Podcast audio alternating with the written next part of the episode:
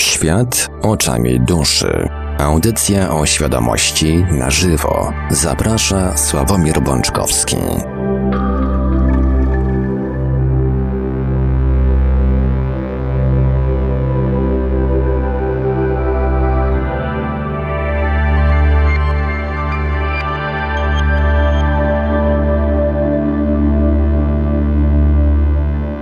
Minął nam powolutku 2 września roku pańskiego 2019. Mamy poniedziałek.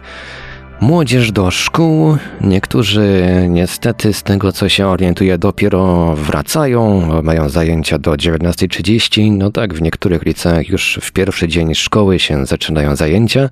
Szczere wyrazy współczucia tym, którzy oczywiście mają taki troszeczkę nieciekawy plan zajęć ale zawsze można włączyć sobie smartfona, zawsze można włączyć internet, pobrać aplikację Radia Paranormalium i posłuchać sobie kolejnej audycji na żywo, a tak nam dzisiaj wypadło, że dziś na żywo Świat oczami duszy, audycja o świadomości i meandrach świadomości. Przy mikrofonie i za sterami technicznymi audycji jak zawsze Marek Sękiewelios, a po drugiej stronie połączenia internetowego jest z nami jak zawsze gospodarz audycji, pan Sławek Bączkowski. Dobry wieczór, panie Sławku. Dobry wieczór, panie Marku. Witam wszystkich serdecznie. Tradycyjnie, zanim oddam głos panu Sławkowi, podam kontakty do Radia Paranormalium.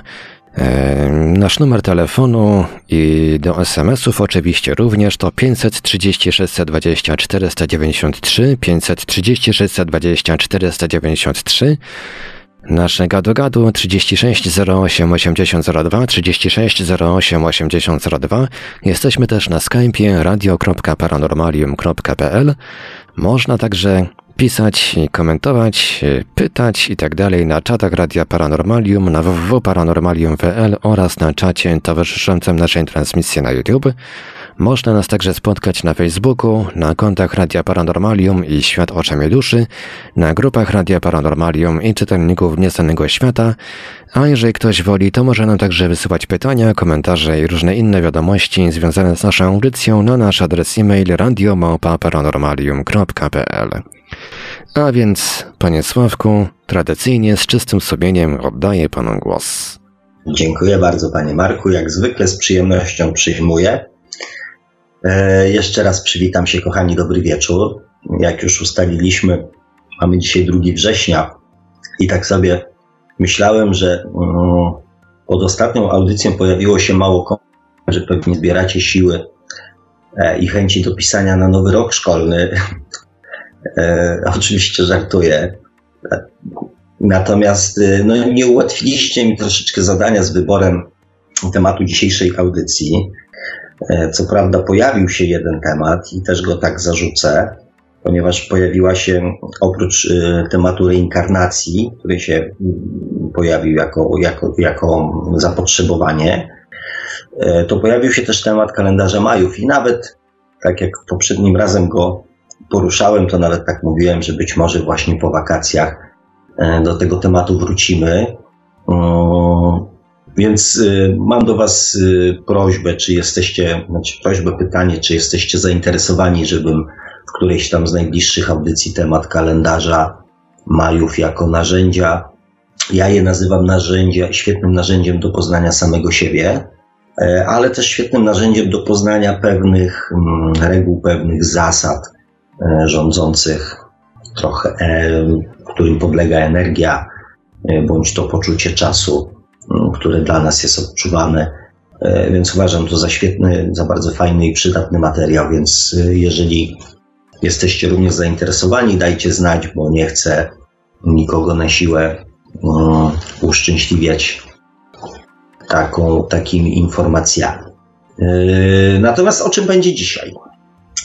Odkładałem temat, o którym też rozmawiałem z jednym z, na, z, z naszych słuchaczy, dotyczący, dotyczący programowania. No i dzisiaj tak właśnie troszeczkę o programowaniu, troszeczkę o nauce, trochę o świadomości i też y, troszeczkę o prawdzie, żeby zrobić sobie takie fajne, płynne przejście do tematu reinkarnacji.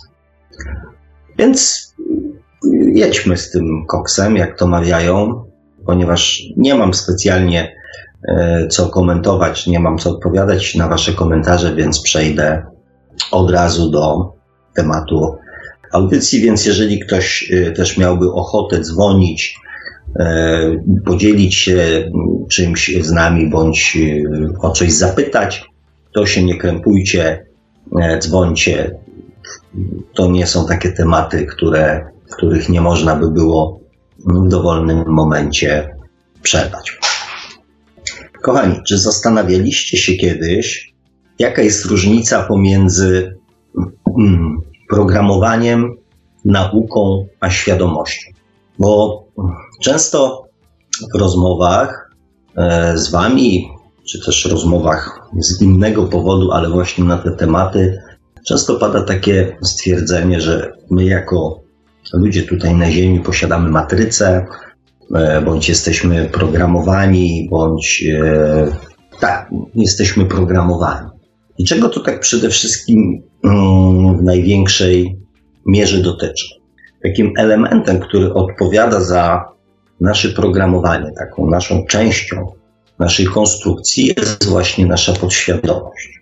To ona jest tym czynnikiem, który, który powstaje od pierwszych w zasadzie e, sekund, e, a nawet nie tylko sekund, ale również e, tego okresu mm, płodowego, kiedy, ta, kiedy zaczynamy kontaktować się, kiedy zaczynamy odbierać jakiekolwiek informacje ze świata zewnętrznego, wtedy zaczyna się właśnie to nasze, to nasze programowanie. Ja tym, którzy e, zaczynają, mm, bo z tego co widzę, jest też sporo osób, które gdzieś tam od, e, od pewnego czasu tylko, znaczy od pewnego czasu dopiero uczestniczą w audycjach, więc e, przypomnę, jak to wygląda tak w pewnym sensie technicznie. Tak?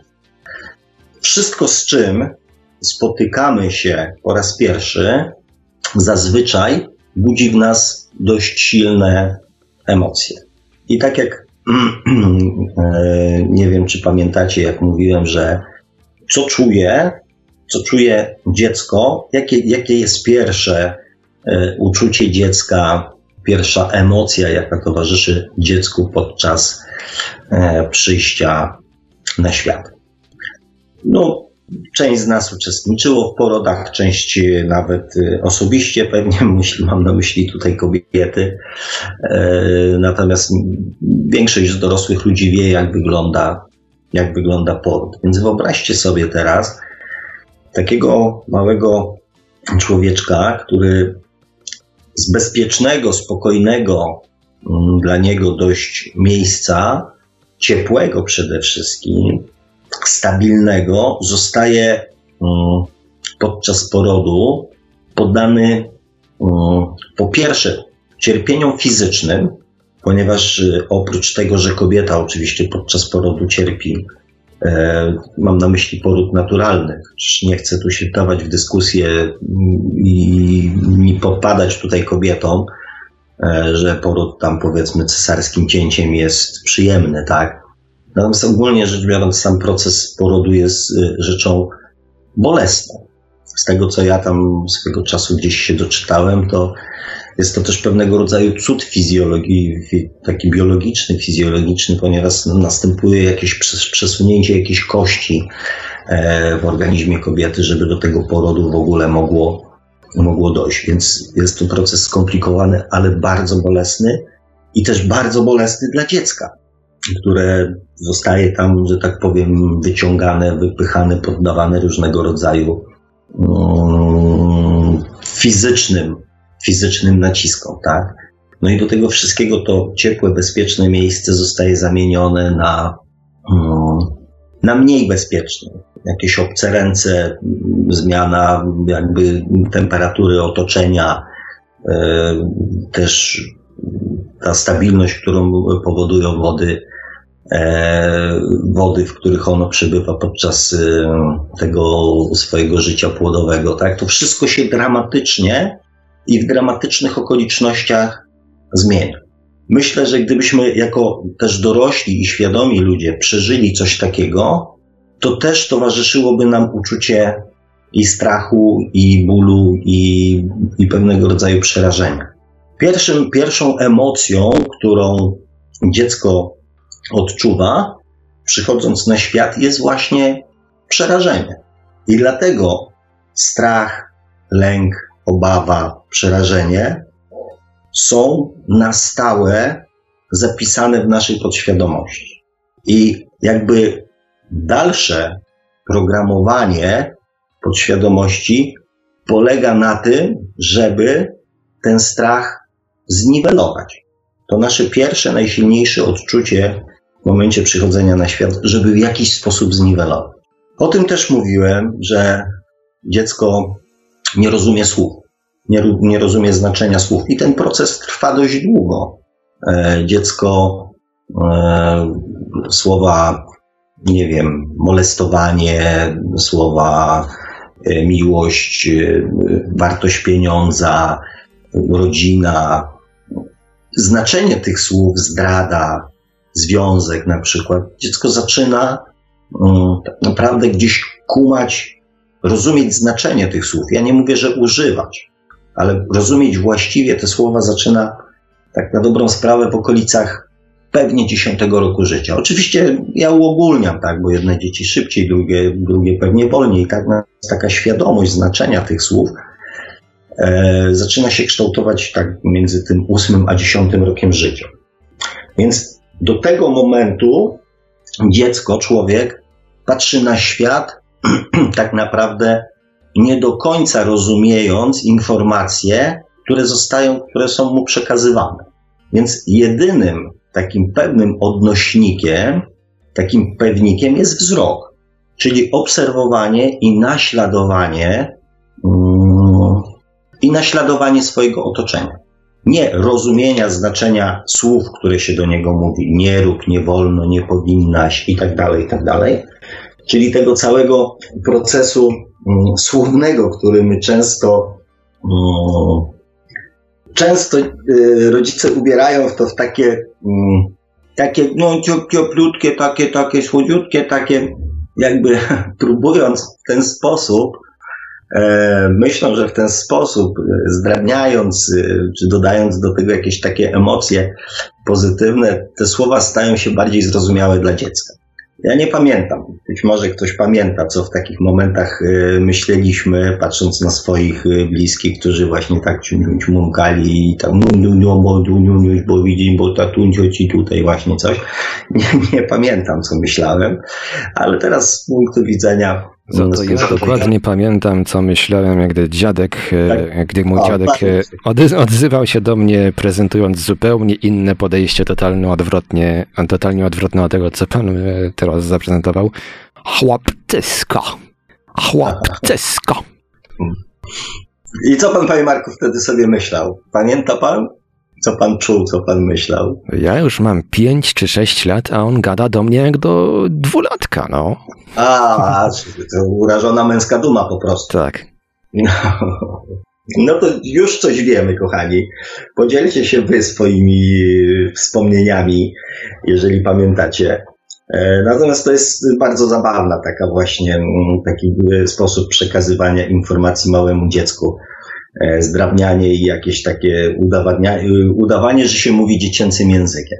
Więc dziecko ogólnie rzecz biorąc przez e, długi okres czasu nie rozumie tak naprawdę takiego znaczenia słów, w jakich my mu je no, przedstawiamy. Ja wiele razy uczestniczyłem, ponieważ ja bardzo lubię dzieci, w różnego rodzaju znajomych, przyjaciół, też ludzi obcych, tak, kiedy, nie wiem, dziewczynka dziewięcioletnia poznając, nie wiem, czy tam 8-9-letnia, poznając chłopaka, e, jakiegoś tam kolegę, z którym tam niby zaczyna nawiązywać jakieś bliższe relacje, ona na spotkaniu rodzinnym mówi, że, że ona ma romans.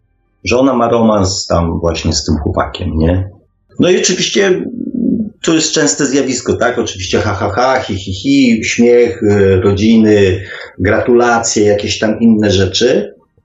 I ja się pytam jej mówię, słuchaj, a czy ty, jak ty rozumiesz to, ten romans? Tak? To znaczy, że niby co wy robicie? No, to nie, no, rozmawiamy, on tam za mną chodzi na przerwie, e, i tam, tam plecak mi ostatnio podał, a może tam kiedyś to się za ręce nawet będziemy mogli trzymać, a może sobie damy buziaka, tak?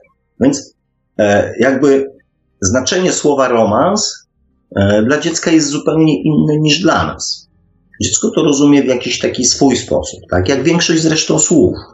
E, ostatni, ostatni taki przypadek, kiedy mój kolega mm, został prawie, że tak powiem, pobity przez swojego szwagra, e, ponieważ ze swoją krzyśnicą, siostrzenicą, właśnie tam 8 czy 9-letnią, siedział w pokoju Coś tam czytali, coś tam się bawili, czymś się tam zajmowali. On jest kawalerem jeszcze, więc y, sporo czasu e, z, tym, e, z tą swoją chrześnicą spędzał. I dziecko wyszło z pokoju, poszło do rodziców i stwierdziło, wujek mnie molestuje. Więc e, wściekłość, wściekłość, że tak powiem, szwagra, oczywiście przerażenie jego siostry, tak, został wyrzucony z domu, prawie, że tak powiem, pobity. W tych emocjach. No i dopiero rozmowa z dzieckiem, tak? To znaczy, że niby, to znaczy, co ci wujek robił, bo to oczywiście rodzice przerażeni nie wiedzą, jak na ten temat rozmawiać z dzieckiem. Okazało się, że wujek, mm, jak czyta, czytał e, jej książkę, to wziął ją na kolano. I tam jakieś obrazki, coś tam i w tej książce czytali, tak dalej, tak? Dziecko powiedziało, wujek mnie molestuje.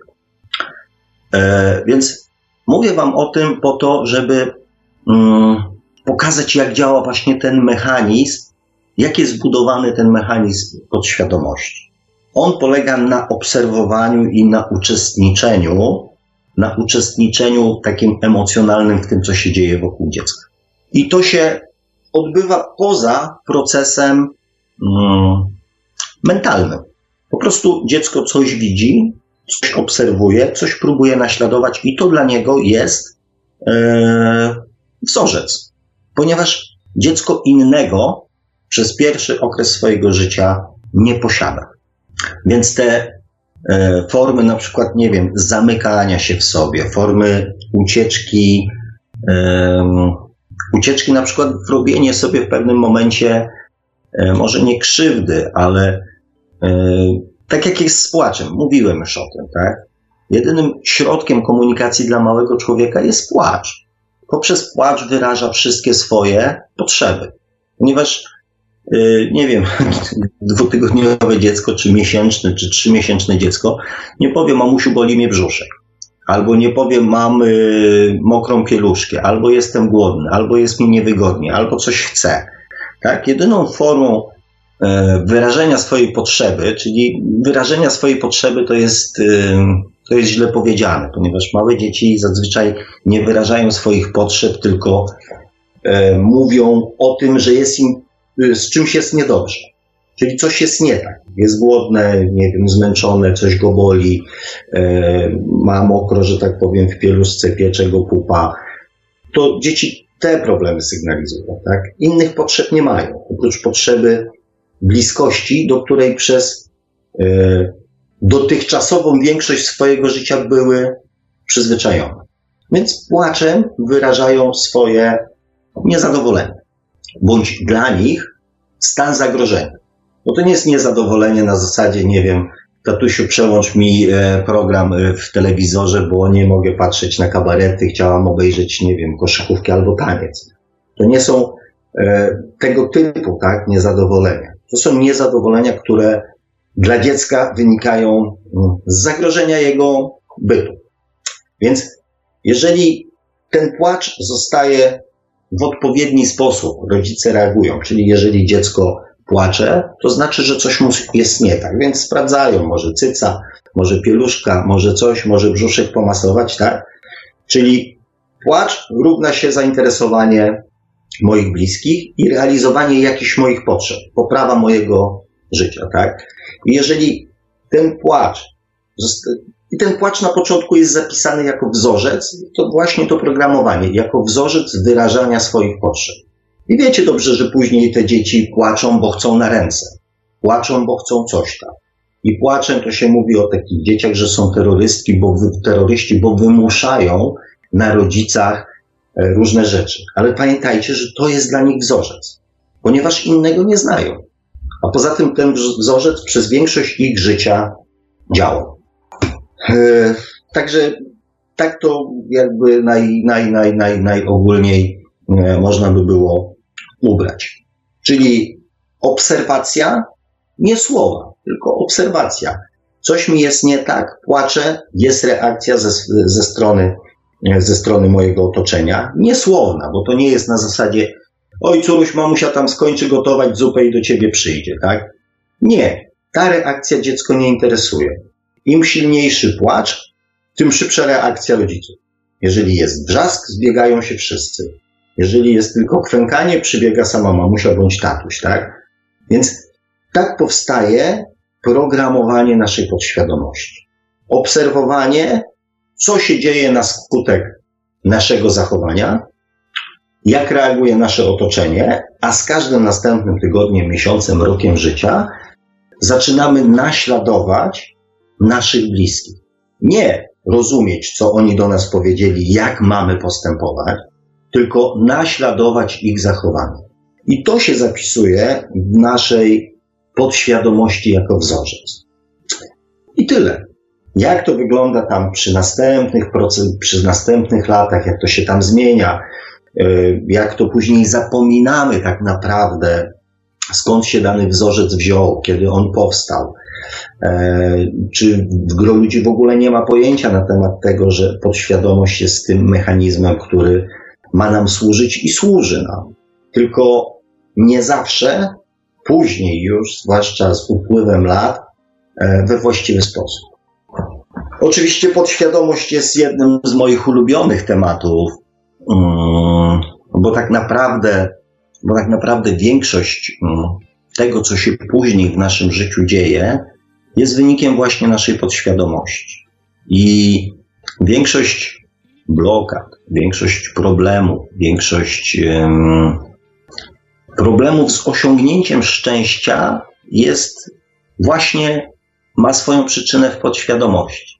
W tych wzorcach, które zapisaliśmy sobie, tak naprawdę nie zdając sobie sprawy, że je zapisujemy.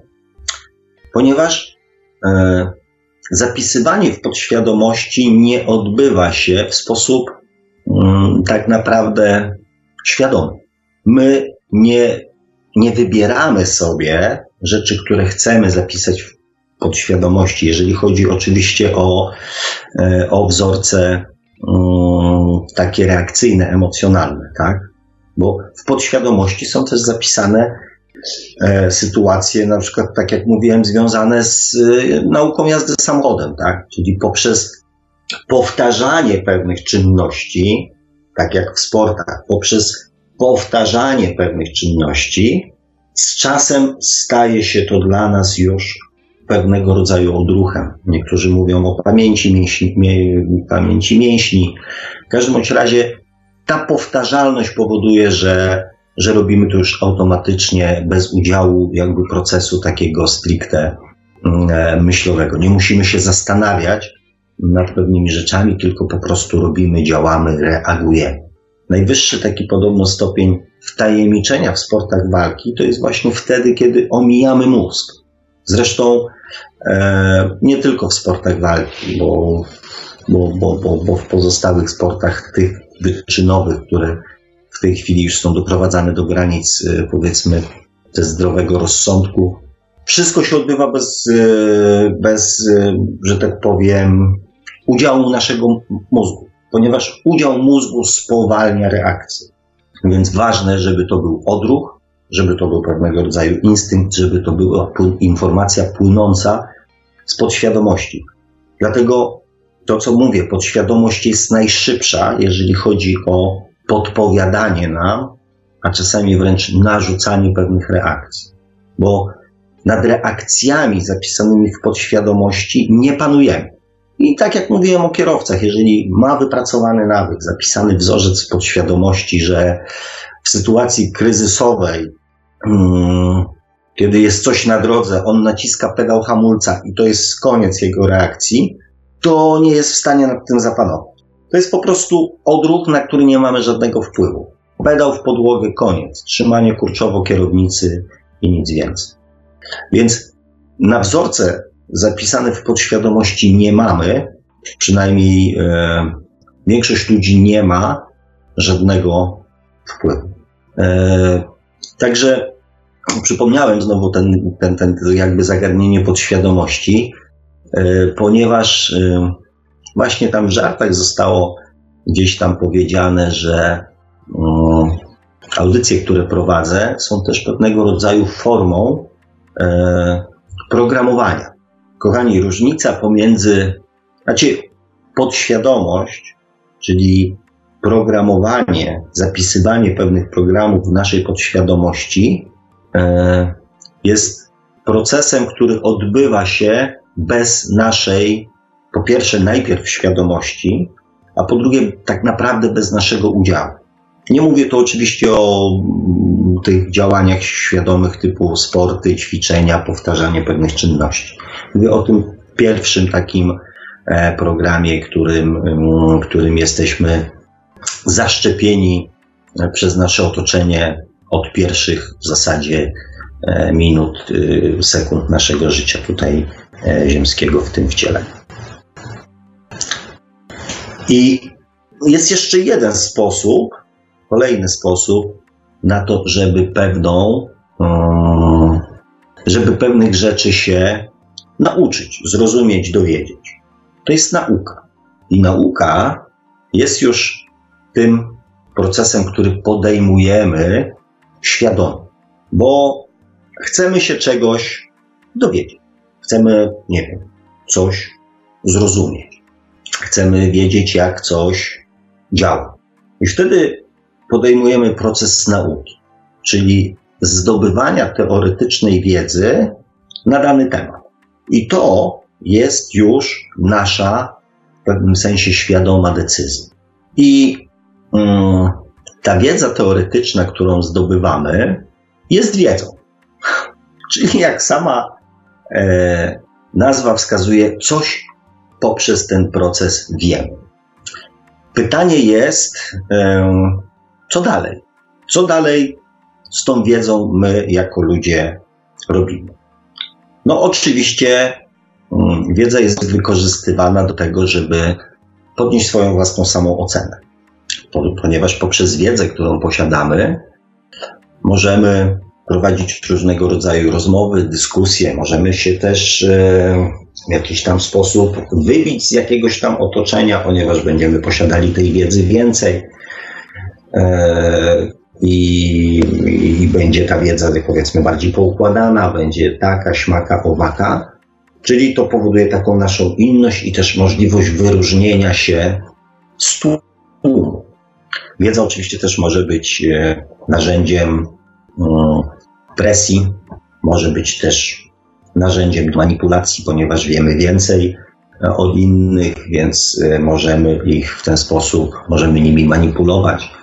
E, możemy im udowadniać, że są na przykład gorsi, więc e, głupsi, mniej wiedzący, więc, e, mm, więc powinni być, w związku z tym, że mają mniej wiedzy, to powinni być na niższym stanowisku, w związku z tym my mamy prawo decydowania, my mamy prawo rządzenia, my jesteśmy ci lepsi, tak? Więc to możemy zrobić z wiedzą. Możemy też z wiedzą, um, możemy też wiedzę wykorzystać dla dobra. Czyli na przykład posiadając wiedzę możemy coś, e, coś tworzyć. Możemy też tą wiedzę przekazywać innym, prawda? Czyli poszerzać wiedzę innych ludzi. Czyli bardzo, mm, bardzo przydatna wiedza jest fajna w sumie taka. Zasadniczo w większości wypadków wiedza jest czymś takim pożytecznym, przydatnym. Tylko mm, Problem polega wtedy, problem, jakiś tam problem pojawia się wtedy, kiedy wiedza pozostaje tylko wiedzą. Kiedyś ktoś powiedział, jaka jest różnica pomiędzy mm, wiedzą a mądrością, pomiędzy wiedzą a inteligencją. Ponieważ wiedza jest wiedzą i do momentu, dopóki jest tylko w nas, mm, jest bezwartościowa. W zasadzie może w jakiś sposób poszerzyć nasze horyzonty, natomiast w dalszym ciągu pozostaje w fazie teorii. Natomiast inteligencją jest umiejętność wykorzystania tej wiedzy, którą się posiada, do tego, by cokolwiek zmienić. Nieważne, czy na lepsze, czy na gorsze, czy w swoim życiu, czy w innym życiu. Ważne jest, żeby tą wiedzę w jakikolwiek sposób wykorzystać. I teraz jest pytanie, czemu służy hmm, inaczej? Jak się kończy wykorzystanie wiedzy?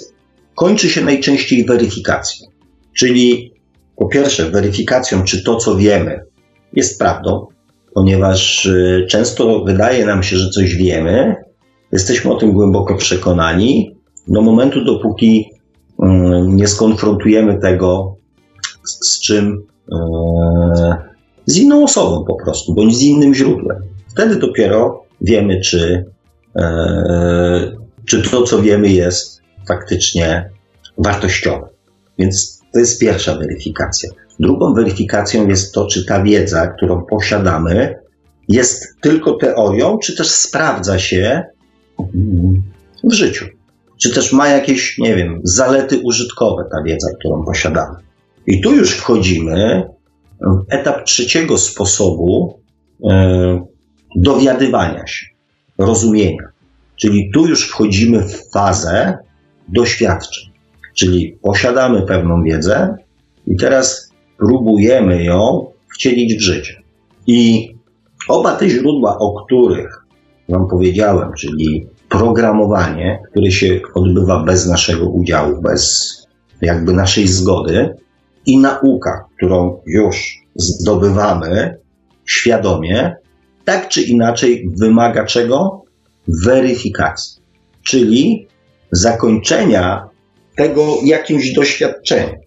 A to doświadczenie polega na tym, że próbujemy te dwa źródła informacji wcielić w życie. I jak wiedzę, którą posiadamy mentalnie, którą nabyliśmy świadomie, którą, która się pojawiła w naszym umyśle za naszą zgodą, wykorzystujemy w sposób przemyślany. Tak, wiedza, którą nabyliśmy, która została zapisana w naszej podświadomości, wykorzystujemy nieświadomie. Natomiast tak czy inaczej, obydwa te źródła informacji wymagają um, zweryfikowania poprzez próbę wcielenia tego w życie. I w ten sposób powstaje trzecie źródło um, naszej wiedzy, czyli świadomość. Ponieważ jesteśmy już mądrzy, mądrzejsi o to, czy te wzorce, czy ta wiedza sprawdza się w życiu. Przestajemy być tak jakby teoretykami, tylko zostajemy praktykami poprzez właśnie doświadczenie. I poprzez doświadczenie, poprzez doświadczanie budujemy swoją świadomość. I tu pojawia się następny aspekt, o którym, na który chciałem Wam zwrócić uwagę. To jest prawda. Co jest prawdą? Czy zastanawialiście się kiedyś, co jest prawdą? Prawdą jest to, że drzewo nazywa się drzewo, ale drzewo nazywa się drzewo dla Polaka. Dla 170 narodów innych na świecie drzewo będzie się nazywało zupełnie inaczej. Więc jest to prawda, czy nie jest to prawda? Drzewo jest zielone, ma, nie wiem, ma zielone liście, ale zielone, bo tak się umówiliśmy, że ten kolor nazwiemy zielony. Ale gdybyśmy go na nazwali pomarańczowy, to drzewo miałoby pomarańczowe liście. I nie nazywałoby się drzewo, tylko nazywałoby się być może zupełnie inaczej. Więc czy to, że drzewo ma zielone liście, jest prawdą? Oczywiście to jest przykład dla, powiedzmy, filozofów, dla być może znawców języków, być może jeszcze dla całego tłumu innych ludzi. E, natomiast próbuję Was tutaj naprowadzić na taką myśl, co jest prawdą. Czy kiedyś się zastanawialiście? Ja mm, na szczęście rzadko e, w komentarzach Waszych e, mm, słyszę, że zresztą chyba nawet nie usłyszałem nigdy, że mówię nieprawdę. Mm, często jestem uznawany za osobę, która nic nie wie, ale, ale chyba nie spotkałem się z komentarzem, że, że Was oszukuję, że mówię nieprawdę. Często Was namawiam do tego, żebyście zweryfikowali to przez pryzmat jakby samych siebie. Ponieważ właśnie coś takiego jak prawda um, istnieje tylko, nie wiem, w faktach. Czyli jeżeli jakaś stacja, na przykład telewizyjna, podaje, że wykoleił się pociąg tu i tu, to, to jest to fakt. I to jest prawda, ponieważ ten pociąg faktycznie się wykoleił w tym i w tym miejscu, e, bądź tu i tu urodziło się, powiedzmy, e, dziecko, sześcioraczki, dwunastolaczki, dwudziestoraczki e, i to jest prawda. Więc pojęcie prawdy można by tak naprawdę chyba zawęzić tylko do tego, co jest faktem. Tylko, że fakt ma już swoje określenie. Prawda jest słowem, które e, z punktu widzenia chociażby tematyki, którą się zajmujemy, czyli z punktu e, widzenia duszy, z punktu widzenia naszej świadomości, tak naprawdę nie istnieje. Ponieważ kiedyś, um, kiedyś się mówiło, znaczy pewnie dalej się mówi, było takie określenie, że jest, e, że prawda, że są trzy prawdy, twoja prawda, moja prawda i gówno prawda. E, I, I właśnie tak to wygląda. Każdy z nas ma swoją prawdę. Każdy z nas ma swoją prawdę, w którą wierzy, że jest prawdą. Na przykład ta prawda właśnie wynika z tych dwóch źródeł. Jednym jest nasza podświadomość, czyli to jest prawda, której się wychowaliśmy. Prawda, która nam zostawio, została przedstawiona jako prawda.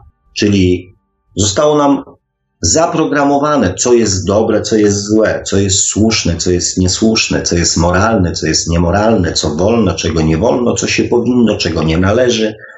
Czyli cały, całe mnóstwo zasad, które, które wyznawali nasi najbliżsi. I ludzie, którzy, tak naprawdę większość ludzi, za tą, że właśnie moją prawdę, czyli ich własną prawdę zapisaną w podświadomości, jest w stanie zaprzepaścić prawie wszystko. Związki, rodziny, partnerstwo, pracę, wszystko. Zdrowie, często życie. Dla tej prawdy zapisanej w podświadomości, ponieważ to jest ich prawda. I nie ma znaczenia, jaka ona jest. Ona nie podlega na tym jakby wcześniejszym poziomie rozwoju nie podlega żadnej negocjacji. Jest nieweryfikowalny. Jest oczywiście jeszcze prawda, którą, ta prawda mentalna, którą, która gdzieś tam do nas e, dociera ze źródeł, powiedzmy bardziej obiektywnych, tak? Natomiast ona jest weryfikowana przez pryzmat naszej prawdy. I albo się z nią zgadzamy, albo się z nią nie zgadzamy. Natomiast ona w pewien sposób, poprzez poszerzanie swojej wiedzy, e, zmusza nas często też do myślenia, do przemyślenia, do zastanowienia się, tak? Wiedza nie zburzy fundamentów naszej podświadomości. W jakiś sposób pozwoli nam wziąć inne warianty pod uwagę, natomiast nie zburzy podwali naszej podświadomości, czyli tej naszej, naszej prawdy. Jeżeli wiecie dobrze, że jeżeli ktoś mm, wychowa się w rodzinie, w której przemoc była czymś całkowicie naturalnym i rozwiązywanie e, problemów poprzez rozwiązania siłowe było czymś nagminnym, typowym i normalnym, te same wzorce będzie przenosił w swoją, że tak powiem, dorosłość. Jeżeli ktoś został wychowany zaprogramowany w sposób taki, że kobieta jest od siedzenia w kuchni i podawania mężowi piwa, a mąż ma prawo, jeżeli jest niegrzeczna, uderzyć ją, to on z tym poglądem, z tą swoją prawdą wejdzie w życie. I będzie pił, a jeżeli żona nie przyniesie mu piwa, uderzy ją w twarz. Ale również, jeżeli mężczyzna był na przykład, nie wiem, trzymany krótko za mordę przez kobietę, jego syn, że tak powiem, się napatrzy na to, że kobieta rządzi domu, decyduje o wszystkim, a mężczyzna nie ma nic do powiedzenia, będzie szukał takiej kobiety w swoim życiu, która mu to zapewni, ponieważ to nie on ma przejąć rolę, e, że tak powiem, tak zwanej głowy rodziny, tylko to ma zrobić kobieta. I to musi być kobieta, która będzie w jakiś tam sposób pasowała do tego wzorca e, jego podświadomości. Tak? I jeżeli tych dwóch panów ze sobą się spotka, to każdy z nich będzie święcie przekonany, że to jest właściwy wzorzec, że to jest właściwy sposób postępowania. Mało tego, będą święcie przekonani, że to oni dokonali takich wyborów w swoim życiu, że to na skutek ich własnych wyborów dokonali wyboru takich partnerów. Dlatego na przykład w związkach, to też mówiłem o tym, w związkach, małżeństwach partnerskich, e, takich śmakich, owakich, tak bardzo iskrzy, ponieważ ścierają się dwa wzorce podświadomości i dla każdego mm, z partnerów ich prawda, zwłaszcza ta prawda płynąca z podświadomości jest świętością, jest czymś niezmiennym. Jeżeli ojciec chce wychowywać dziecko, powiedzmy, twardą ręką, czyli mm, klapsa, ponieważ dziecko, nie wiem, nie zjadło, nie posprzątało i tak dalej, i tak dalej, a matka była wychowywana w inny sposób, gdzie nie było przemocy, to wiadomo, że ich sposób wychowywania tego dziecka będzie diametralnie inny i ciągle będą się e, o to spierać. Ale jaka jest prawda? Jaki wzorzec jest właściwy, tak? Bo wiemy, że to jest jeden wzorzec prawdy, drugi wzorzec prawdy, to jest dwójka ludzi, a ludzi na świecie jest 8 miliardów i 8 miliardów mniej bądź bardziej różniących się od siebie wzorców prawdy. Jaka jest prawda? Jaki wzorzec wychowania jest właściwy, czyli co jest prawdą? Ja mówię tu o wzorcu wychowania dzieci. A tych wzorców jest mnóstwo. Wzorców postępowania względem ludzi, względem siebie, wzorców postępowania na ulicy, zachowania się w pracy, e, pracy, relacji rodzinnych, towarzyskich, przyjacielskich, e, koleżeńskich, takich śmakich, owakich, publicznych, e, politycznych, wojskowych i całego mnóstwa innych rzeczy. Jaka jest prawda? Czyli jaki jest, co jest prawdą? Jaki jest ten właściwy wzorzec? Czy ktoś jest w stanie taki wzorzec um, przedstawić, pokazać, zbudować? Dlatego moje pytanie brzmi, co jest prawdą? Prawdą jest to, że mój kot próbuje się do mnie dostać. To taka propos. I to jest prawda. Mój prawdopodobnie mój... też. Prawdopodobnie. Chyba te kody nasze się okay. jakoś zgadały. Może się słyszą, może się słyszą. E, natomiast e, wracając do tej naszej prawdy, takiej, takiej duchowej, e, do tej prawdy takiej bardziej uniwersalnej, zastanówcie się nad tym. To po pierwsze. Drugie też warto się zastanowić, jaka jest moja prawda co ja tak naprawdę wierzę, jakie są moje poglądy, z czego one wynikają, bo to jest też, ponieważ y, każda z moich audycji służy temu, żebyśmy byli jakby bliżej siebie, e, żebyśmy tej prawdy szukali właśnie w samych sobie, żebyśmy tą naszą prawdę poznawali. E, więc, więc pomyślcie sobie. Ja Wam powiem o tym trzecim źródle e, jakby informacji, czyli bo tak jak powiedziałem, wchodząc w dorosłe życie, mamy zaprogramowaną podświadomość. Czyli to jest ten wariant bez naszego udziału. Mamy też już jakąś wiedzę teoretyczną, którą przez ten czas y, posiedliśmy. I teraz, wchodząc w dorosłość, próbujemy te wzorce, tą naszą prawdę wcielić w życie, czyli karcić e, dzieci paskiem, bądź iść przebojem przez, e, przez życie, rozpychać się łokciami, być egoistą, e, bądź stać na uboczu, bądź e, chcieć się podporządkować, bądź chcieć być głową rodziny i tak dalej. Swoją prawdę w dorosłości zaczynamy weryfikować poprzez doświadczanie, poprzez przekonywanie samego się na samej własnej osobistej skórze, a czasami i pupie, czy te wzorce są słuszne czy są fajne, czy ta teoria, którą ktoś nam sprzedał i ta teoria, którą usłyszeliśmy, bądź yy, wyczytaliśmy, bądź dowiedzieliśmy się na własne, yy, na własną prośbę, na własne życzenie, na własne żądanie, czy one zdają egzamin w życiu. Poprzez doświadczanie budujemy swoją świadomość. I co w ten sposób poznajemy? Poznajemy prawdę. Poznajemy prawdę o tym, czy to, o czym byliśmy głęboko przekonani, jest faktycznie takie fajne. Czy ta prawda, w którą wierzyliśmy, bądź którą zostaliśmy zarażeni i zaprogramowani, czy ona jest, czy daje nam ta prawda radość, szczęście, czy jesteśmy z tą prawdą szczęśliwi, e, czy jest nam dobrze z tym. Poznajemy prawdę o swoich przekonaniach, o swoich poglądach, o swojej prawdzie weryfikujemy tą prawdę poprzez doświadczenie. Świadomość to jest właśnie poznawanie prawdy. Poznawanie prawdy, co tak naprawdę jest dobre, jest fajne, jest przyjemne. Przecież wiecie dokładnie, że biedny będzie zazdrościł bogatemu, bo będzie myślał, że jego życie jest po prostu wow. Tak? Bogaty będzie zazdrościł temu, powiedzmy, pracującemu na etacie, ponieważ wraca o godzinie 17 z pracy i ma na wszystko wywalone.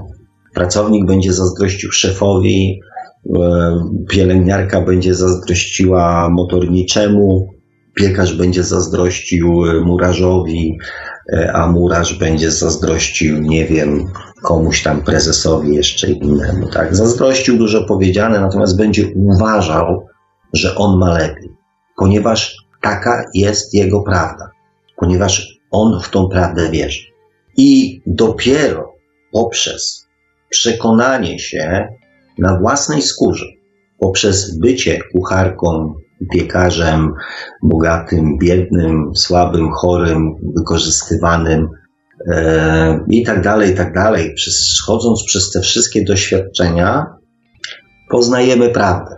Weryfikujemy swoje poglądy na temat tego, co jest prawdą. Świadomość to jest właśnie na każdym kroku poznawanie prawdy. Poznawanie prawdy, weryfikowanie naszej prawdy poznawanie prawdy, co jest tak naprawdę w życiu ważne, co jest wartościowe, co jest, y, co jest dobre. Świadomość to jest weryfikowanie tych wszystkich wzorców, które ktoś nam po prostu za naszą zgodą bądź bez naszej zgody zaszczepi. Więc jak sami widzicie, bez doświadczania, bez doświadczania nie dowiemy się prawdy. Bez doświadczania nie wybudujemy naszej świadomości. Będziemy tylko i wyłącznie teoretykami, którzy, którym się wydaje, że bycie bogatym jest, daje szczęście, albo bycie biednym daje szczęście. Będziemy wierzyć w prawdy innych ludzi. Bez doświadczenia nie dowiemy się prawdy. I bez doświadczenia nie wybudujemy naszej świadomości. Więc jeżeli macie w jakimś swoim życiu mm, sytuacje, w których macie jakieś dylematy, obawy, e, czy zastanawiacie się, co zrobić, to wiedzcie, że procesu doświadczania hmm, praktycznie nie da się uniknąć. Natomiast możemy wybierać doświadczenia, możemy wybierać doświadczenia, w których chcemy uczestniczyć. I trochę w myśl takiej zasady, hmm, że lepiej w życiu żałować tego, co się zrobiło, niż żałować, że czegoś się nie zrobiło, Biorąc pod uwagę to, że prawdę poznajemy poprzez doświadczanie, że świadomość to jest też poznawanie prawdy, że świadomość też się buduje poprzez doświadczanie, nie bójcie się tych doświadczeń, ponieważ każde takie doświadczenie w jakiś sposób przysuwa nas e, do tej prawdy, do tej prawdy, która, mm, która pozwoli powiedzieć i zrozumieć, co tak naprawdę e, jaką wartość w życiu, w życiu. E, a ponieważ e, tak naprawdę, tak naprawdę to chcieliście, żebyśmy porozmawiali o reinkarnacji, to po godzinie swojego gadolstwa mm, poruszę i ten temat, e, bo w tym całym procesie doświadczania i poznawania prawdy reinkarnacja jest nieodzowna. To tak e, jakbyście, znaczy ja się nie boję tego. Tak naprawdę to się nie boję tego, bo są źródła, które twierdzą, że porównywanie się z Bogiem, czy tam stawianie się na równi z Bogiem i tak dalej, to jest w ogóle niemożliwe i, i, i jakieś tam bałwochwalstwo albo jeszcze inne tam herezje. Natomiast spróbujcie, bo to jest też budowanie świadomości. Spróbujcie wymyśleć dla siebie taki mechanizm, w którym będziecie mogli poznać wszystkie aspekty życia ziemskiego, przekonać się w praktyce, czy to, co w danej, czy to, co wydaje wam się e, prawdą i szczęściem, żebyście się mogli o tym przekonać. Żebyście mogli się przekonać, czy tak jest. Bo tylko nie myślcie, że nie wiem, jeżeli jesteście, nie obrażając Kowalskiego, ale jeżeli jesteście Kowalskim, i oczywiście no, oglądaliście się Carringtonów i mówicie, że to wow, musi być w ogóle luksus, limuzyny, samochody i pojedziecie do dobrego hotelu albo do dobrego ośrodka wypoczynkowego na tydzień bądź na dwa tygodnie wakacji, będziecie żyli w przepychu, jeździli luksusowymi samochodami, e, kąpali się w basenach, jacuzzi, sauny, ciuchy i tak dalej, że to jest i powiecie tak, takie życie mi się podoba. Tylko pamiętajcie, że to nie jest życie bogatego człowieka. To jest właśnie ta, to oszustwo podświadomości. Bo życie dorosłego człowieka, bogatego człowieka nie polega na tym, że on przez dwa tygodnie nic nie robi, albo że przez cały rok nic nie robi, tylko jeździ tymi luksusowymi samochodami, lansuje się, siedzi w, w basenie czy w jacuzzi e, i zajmuje się tylko tym, żeby ładnie pachnieć i ładnie wyglądać. Ponieważ to jest właśnie to oszustwo naszej podświadomości, że my widząc luksus myślimy, wow, fajny, tak? Fajny dom, piękny dom. Tylko, że ten piękny dom, te wszystkie dobra zostały czymś okupione. I być może ten człowiek, albo często ten człowiek nawet nie ma czasu e, się tym mm, z tego korzystać, tak? Albo mm, żyje w ciągłym stresie, że obok ktoś wybuduje jeszcze piękniejszy dom od jego i już nie będzie tym najbogatszym i tym na ten. Więc pomyślcie o takim procesie, którym będziecie mogli nie korzystać z bogactwa, tylko doświadczyć całego procesu bogactwa, całego procesu wychowywania się w bogatej rodzinie, później uczenia się w bogatej rodzinie, pracy w bogatej rodzinie i życia w bogatej rodzinie, ponieważ to jest bogactwo. Z całym za i przeciw. To nie są tylko luksusowe domy i luksusowe samochody. To jest cały proces. Eee, tak samo jak proces bycia, nie wiem, prezesem albo politykiem, tak? Albo można być i prezesem, i politykiem jednocześnie, ale to jest zajęcie dla wybrańców. Eee, więc to jest cały mechanizm. To jest cała seria doświadczeń, to jest całe mnóstwo różnych rzeczy, z których my, będąc w innym miejscu, doświadczając innych jakby aspektów ziemskiego życia, najczęściej nie mamy świadomości. Więc, żeby ją mieć, co się musi wydarzyć, żebyśmy mieli świadomość, jak to wygląda. Musimy to przeżyć, musimy tego doświadczyć. Musimy zweryfikować, czy to, co myślimy, jest faktycznie prawdą, czy ma taką wartość, jaką nam się wydaje, że ma. Czy to naprawdę daje szczęście i czy to na pewno daje radość. Więc Będąc takim Bogiem, zastanówcie się, jak wy byście skonstruowali chociażby Ziemię, żeby dać ludziom e, możliwość doświadczenia tych wszystkich rzeczy. Jak byście to wymyślili?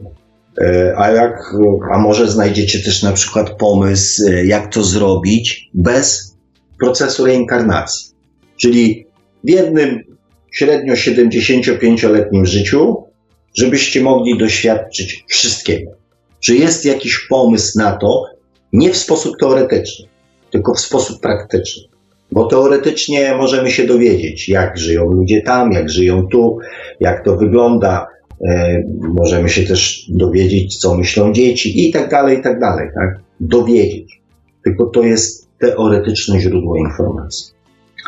Czy da się w ciągu jednego 75, nawet stuletniego życia poznać całą prawdę i zbudować świadomość, czyli doświadczyć tego wszystkiego? Jak sobie tak nad tym posiedzicie, jak sobie to porozkminiacie i coś wymyślicie, e, to może się okazać, że, że po pierwsze, może w tym, co mówię, jest trochę prawdy, sensu i logiki. Drugim takim wnioskiem może się na przykład okazać to, że jesteście albo tak mądrzy jak Bóg, albo Bóg wcale nie jest aż taki mądry, taki dużo mądrzejszy od Was. Oczywiście tam mogą się pojawić i inne pomysły. Eee, natomiast ciekawy jestem, do jakich, jaki mechanizm e, wymyślicie.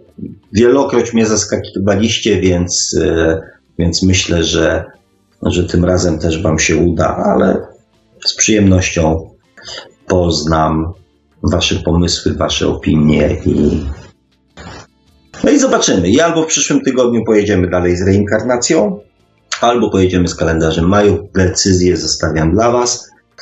E, a może pojedziemy jeszcze z czymś zupełnie innym.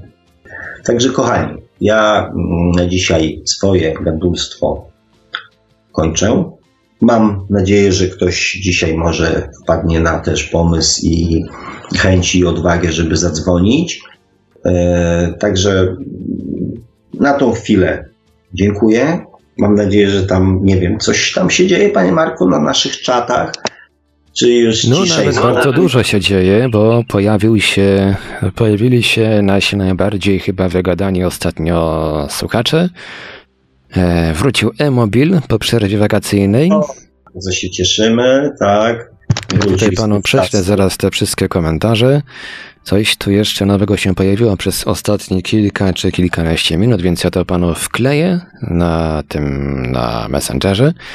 I w międzyczasie, gdy pan będzie odpalał Messengerka, ja tradycyjnie przypomnę kontakty do Radia Paranormalium, numer telefonu, pod którym można dzwonić. Zachęcamy gorąco do korzystania z tej możliwości. Nasz numer telefonu to 530 620 493. 530 620 493. Można oczywiście również pisać SMS-y. Skype radio.paranormalium.pl Można także do nas pisać na gadu pod numerem 36 08 8002 36 08 8002 Przepraszam za te hałasy, tutaj siostra wbiła do studia i szuka suszarki. Właśnie dostałem, Pozdrawiamy. Dostałem kuksańca. Jesteśmy także na czatach Radia Paranormalium na www.paranormalium.pl oraz na czacie towarzyszącym naszej transmisji na YouTube. Można nas także spotkać na Facebooku, na kontach Radia Paranormalium i Świat oczami duszy, na grupach Radia Paranormalium i czytelników Nieznanego Świata, a jeżeli ktoś woli, to może nam także wysyłać pytania, komentarze i różne inne wiadomości na nasz adres e-mail radiomałpa.paranormalium.pl Dobrze, to ja się dobijam do godziny 20. No faktycznie trochę. O, bardzo miło mi się zaczyna te mm, komentarze czytać. Marzenka pisze, uszanowanko dla Sławomira oraz prowadzącego i słuchaczy. Eee, Marzenko, witam Cię również w imieniu swoim oraz prowadzącego oraz pana Marka również. Eee, tu mam takie potwierdzenie jasne, omów ten temat, czyli chyba dotyczy to kalendarza majów. Mm, więc jeden głos za już mam, więc zobaczymy, co się wydarzy dalej. E, I Marzena jeszcze pisze, tak, tak, jesteśmy programowani. Jak ktoś to łyka, e, jak ktoś to łyka, to jest. Mm, to moje, mm, To moje zdanie. Nie mówię o programowaniu przez naukę itd. Dobrze, to tak się troszeczkę, to tak się troszeczkę pogubiłem, to znaczy, um, ja oczywiście nie wyczerpałem tematu programowania, nie, nie wyczerpałem całego tematu programowania, ponieważ to z tą podświadomością to ja mógłbym długo i namiętnie. Eee, natomiast tak, alternatywą dla naszego programowania, i to też wcale się nie dziwię, że słyszę takie głosy, jest właśnie nasza świadomość. Czyli to wszystko, co się przez, e, przez wiele, wiele e, wcieleń buduje, daje taką, mm, taką alternatywę, że ponieważ ale o tym będzie następna audycja, więc, e, więc nie będę tego mówił dzisiaj. Mm, Marzenka pisze, tak, napisałam wywód co do najwcześniejszego mojego uczucia i niedrydy. Klikam Enter i nie idzie. Piszę Czesie mobil, klikam Enter i działa. Widocznie miałaś tego nie wysyłać. Albo coś tam może jeszcze zmodyfikować. Mm, mobil pisze, dzieci w wieku od 2 do 10 lat są najbardziej podatni na programowanie. Im wcześniej poświęcą e, czasu na naukę, tym lepiej i łatwiej im przyswoić e, naukę.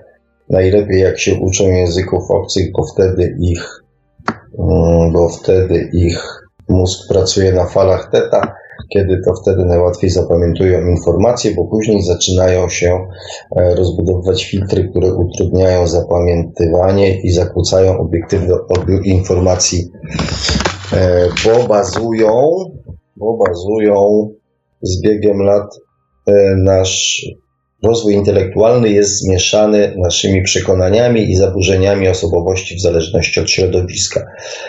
No znaczy, tak jak mówiłem o mózgu w poprzedniej audycji, że ten największy przyrost jest tam do tego 20 tygodnia i później do 10 roku życia mm, ten, ten przyrost jest jeszcze taki dość znaczący. Później on się znacznie e, spowalnia, więc to też, e, też jakby świadczy o tym, że do tego 10 roku życia mnóstwo e, w życiu młodego człowieka tych informacji się magazynuje. Zresztą wystarczy popatrzeć też na nastolatków, że one już jakby bardziej są nastawione w wieku nastolatkowym na przekazywanie tego, co się do tej pory dowiedziały, na takie drobne testowanie, na wprowadzanie już pewnych scenariuszy w życie. Dlatego są tak wkurzający, bo bardzo często powtarzają nasze zachowania, natomiast my nie zdajemy sobie z nich sprawy, już jako dorośli ludzie, że tacy właśnie jesteśmy. Dzieci to powtarzają, to nas wkurza, a tak naprawdę te dzieci są bardzo do nas podobne. To tak a propos tego dziesiątego roku życia. Mm, tu Marzenka jeszcze pisze, chodziło mi o to, że czułam, że to ciało, które mam, jakoś y, nie domaga, nie moje jest, że wiem, że mogę więcej, ale e, nie daję rady. To było jak e, miałam półtorej roku.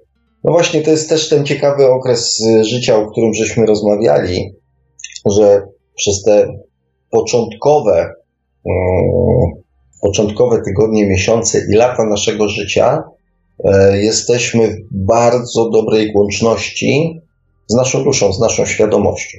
I zupełnie inaczej, i zupełnie inaczej postrzegamy, no chociażby przez to wiemy też, mamy świadomość tego, że, mm, że na przykład w poprzednim wcieleniu byliśmy na przykład samodzielni, tak? Więc ja sobie, ja nie, ja nie pamiętam tego okresu, ale sobie też tak myślę, że takie e, właśnie na przykład półtora roczne dziecko e, może dokładnie pamiętać co, bo dzieci pamiętają, tak? Swoje poprzednie wcielenia co się działo i faktycznie teraz jest taki szokulec malutki, tak? Nie wiem, tu tam, nie wiem, tak na logikę byłem dorosłym człowiekiem, coś robiłem, a teraz nie mogę nie wiem, w wieku 6 miesięcy nie mogę e, ruszyć ręką albo chodzić samodzielnie. Nie? To też taka ciekawa sytuacja. To jest informacja dla tych, którzy narzekają, mm, że nie pamiętają swoich poprzednich wcieleń. Wyobraźcie taką sytuację sobie, gdzie nie wiem, leżycie w, w, w tym wózeczku, tak? I przypominacie sobie, jak, nie wiem, w poprzednim wcieleniu biegaliście po, po łące, tak? A teraz, kurde, o co kamat, tak? Dlaczego nie mogę tego zrobić teraz? Przecież no pamiętam, mogłem to robić, tak? Więc zobaczcie, jaki chaos, e, jaki chaos by powstawał chociażby w naszym umyśle, w naszym umyśle tym ziemskim, tak? Więc ta niepamięć poprzednich wcieleń wcale nie jest, yy, nie jest taka zła. Ona też nas chroni przed yy, pewnymi rzeczami, które dla nas tak naprawdę to jest następna, to jest następna prawda.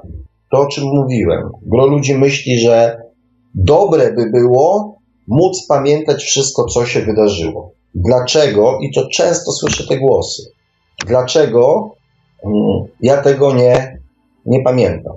Że ktoś mi to zablokował, że ktoś mi zabrał, że ktoś tym manipuluje, że i tak dalej, i tak dalej. I to jest przekonanie bardzo wielu ludzi, którzy albo zaczynają tą drogę rozwoju tej, tej znaczy nie rozwoju świadomości, tylko tej świadomości takiej ziemskiej, tak? Że zaczynają być coraz świadomi tego, kim są i tak dalej, jak to wygląda, czyli świadomi na poziomie mentalnym, na poziomie naukowym, na poziomie umysłowym, że jest i pojawia się to pragnienie, ale przecież e, ja chcę mieć dostęp do tej swojej wiedzy, bo to przecież moje też również życie to poprzednie, tak? I to jest kolejna prawda naszej podświadomości. Ja chcę i mi się to należy, bo to jest moje, więc ja mam do tego prawo. A ja bardzo często powtarzam, czy aby na pewno, jak będziecie wymyślali ten mechanizm, to zastanówcie się, czy chcielibyście pamiętać tak naprawdę wszystko, co przeżyliście w poprzednim wcieleniu. E, Marzenka jeszcze pisze, moje najstarsze uczucia to wiem, bo mama to potwierdziła. Półtorej roku maks jak miałam, moje uczucie, że przestaję panować nad własnym ciałem i tego nie chcę, że buntuję się strasznie. E, to, co ja wiem, to wiem ze swojego doświadczenia i nie oznacza to dla innego, że to jest to. Dla kogoś innego moje tak będzie nie. No właśnie, cieszę się, Marzenko, że, że, że w podobny sposób patrzymy na to, bo często i to też yy, słyszę z ust osób, które w swoim przekonaniu są wysoko rozwinięte, w sensie duchowo, yy, że są przebudzone, że są oświecone i tak dalej, jest właśnie to wymaganie od innych, yy, żeby żyli według Jego prawdy. Że skoro ja zostałem oświecony, to mm, po to, żeby przekonywać innych do swojej prawdy. Natomiast to ze świadomością i z jakimkolwiek takim pra prawdziwym. Znaczy, ja w ogóle nie, nie, nie, nie uznaję czegoś takiego jak przebudzenie, tak? Bo, bo to jest po prostu jakiś tam etap, w którym E, dochodzimy do. Nasza świadomość jest już na tyle mm, rozbudowana poprzez doświadczenia, że, że po prostu pewne rzeczy wiemy, czujemy, pewne rzeczy wiemy, tak? E, nieraz jakieś tam doświadczenie, które mm, przeżyjemy w tym wcieleniu, otwiera tak jakby następną furteczkę do następnych, e, do zrozumienia po prostu pewnych rzeczy. E, i niektórzy to nazywają oświeceniem, a to jest po prostu dla mnie kolejny etap budowania świadomości. Marzenka tutaj pisze też o tym, że dlatego najczęściej milczę i obserwuję z uśmieszkiem na twarzy. Prawda jest tylko, tylko Twoja. E, nazwijmy prawdę słowem stało się. Znaczy, ja ogólnie rzecz biorąc lubię Mm, zabawy językiem polskim i uważam, że skoro wymyślono ileś tam słów, które się między sobą różnią składem literek i też tym, jakie słyszymy, to moim zdaniem każde ma opisywać inny, inny stan, inną sytuację, inną rzecz.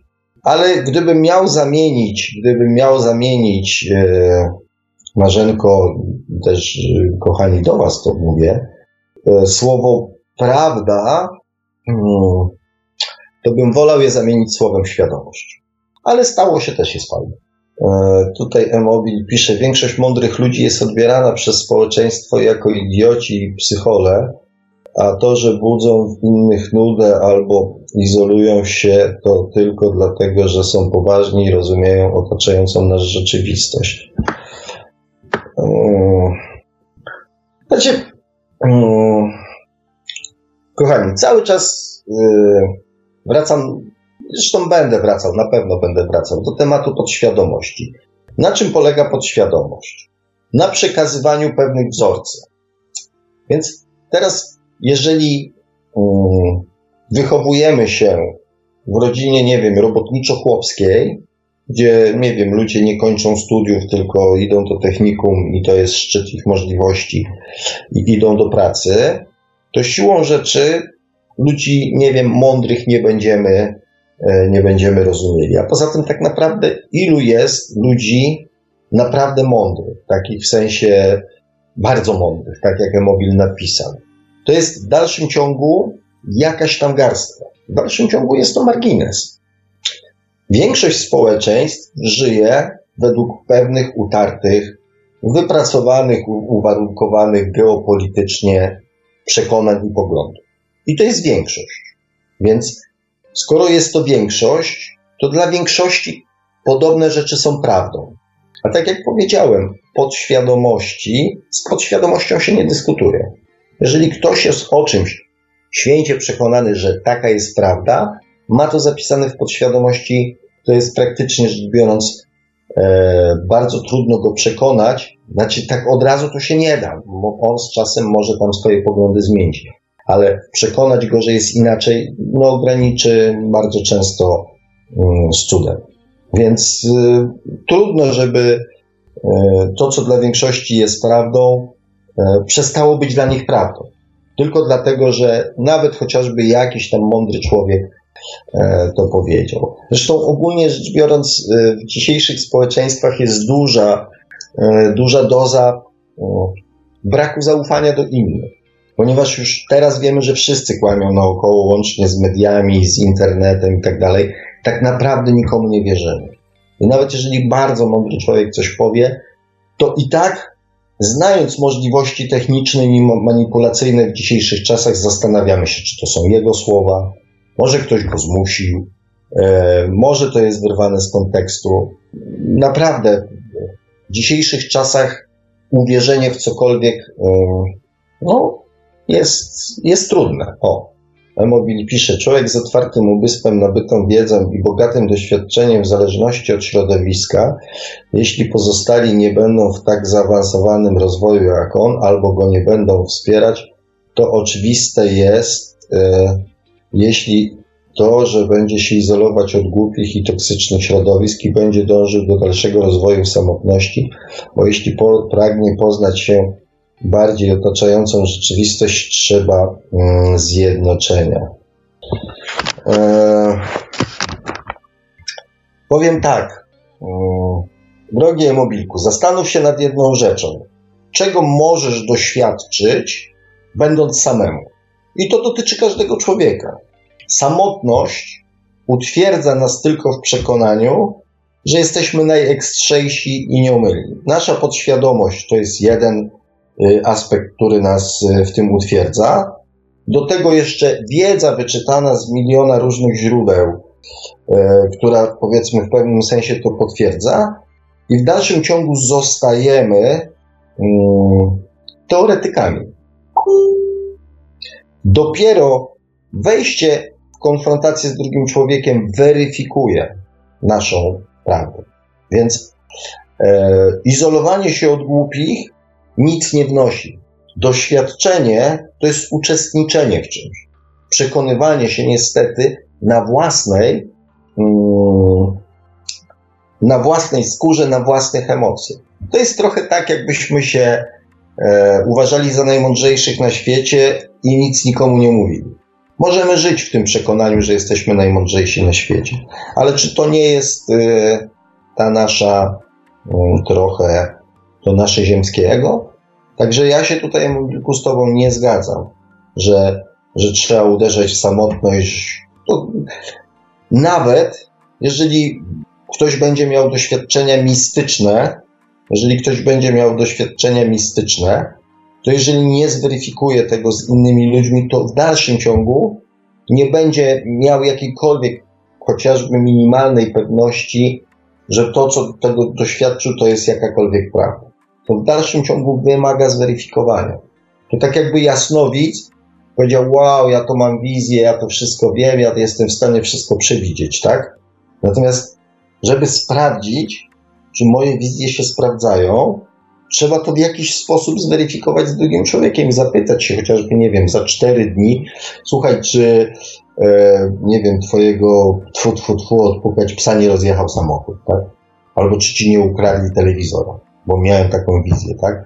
Więc samotność, mm, samotność jest dobra do poznania samego siebie. Więc jeżeli takie jest twoje doświadczenie, to tak. Natomiast izolacja, odsuwanie się od ludzi, uznawanie ich za głupich, e, to jest dużo pracy, dużo pracy nad samym sobą. Marzenka pisze, e-mobil. O, no właśnie. Aby poznać, nie trzeba się izolować, tym bardziej e, nie trzeba, nie trzeba zjednoczenia. Znaczy, mm, zjednoczenie, zjednoczenie mm, Zjednoczenie nie jest rozwojowe. Gdybyśmy wszyscy e, mieli te same poglądy, to byśmy stali w miejscu. Gdybyśmy wszyscy byli tacy sami, nikt by się nie rozwijał. Właśnie na różnicach, na wchodzeniu w interakcji, na dowiadywaniu się o inności rozwijamy się. E, E-Mobil pisze, ale obecny stan rozwoju naszej pseudocywilizacji powoduje podziały na lepszych i gorszych. Nie ma jedności, e, współodpowiedzialności oraz współpracy, bo system nas zniewolił do takiego stopnia, e, że nawet większość ludzi nie chce się zjednoczyć, bo mają konserwatywne podejście do wszystkiego i wszystkich. Trudno namówić kogokolwiek do zmiany. Tutaj Mobilku dałeś się poznać tutaj z tej strony jako taki krytyk, e, jako taki krytyk e, tych właśnie cywilizacyjnych spraw. E, natomiast ja uważam, ja uważam, że to, co piszesz, nie jest do końca takim obiektywnym osądem, bo podział na lepszych i gorszych był zawsze. E, teraz e, akurat jest coraz większe pole do popisu, dlatego żeby było e, coraz więcej tych dobrych. Kiedyś dobrych była garsteczka, natomiast cała reszta to byli ci źli, którzy musieli się podporządkowywać tym dobrym. Więc jeżeli spojrzysz chociażby na rozwój,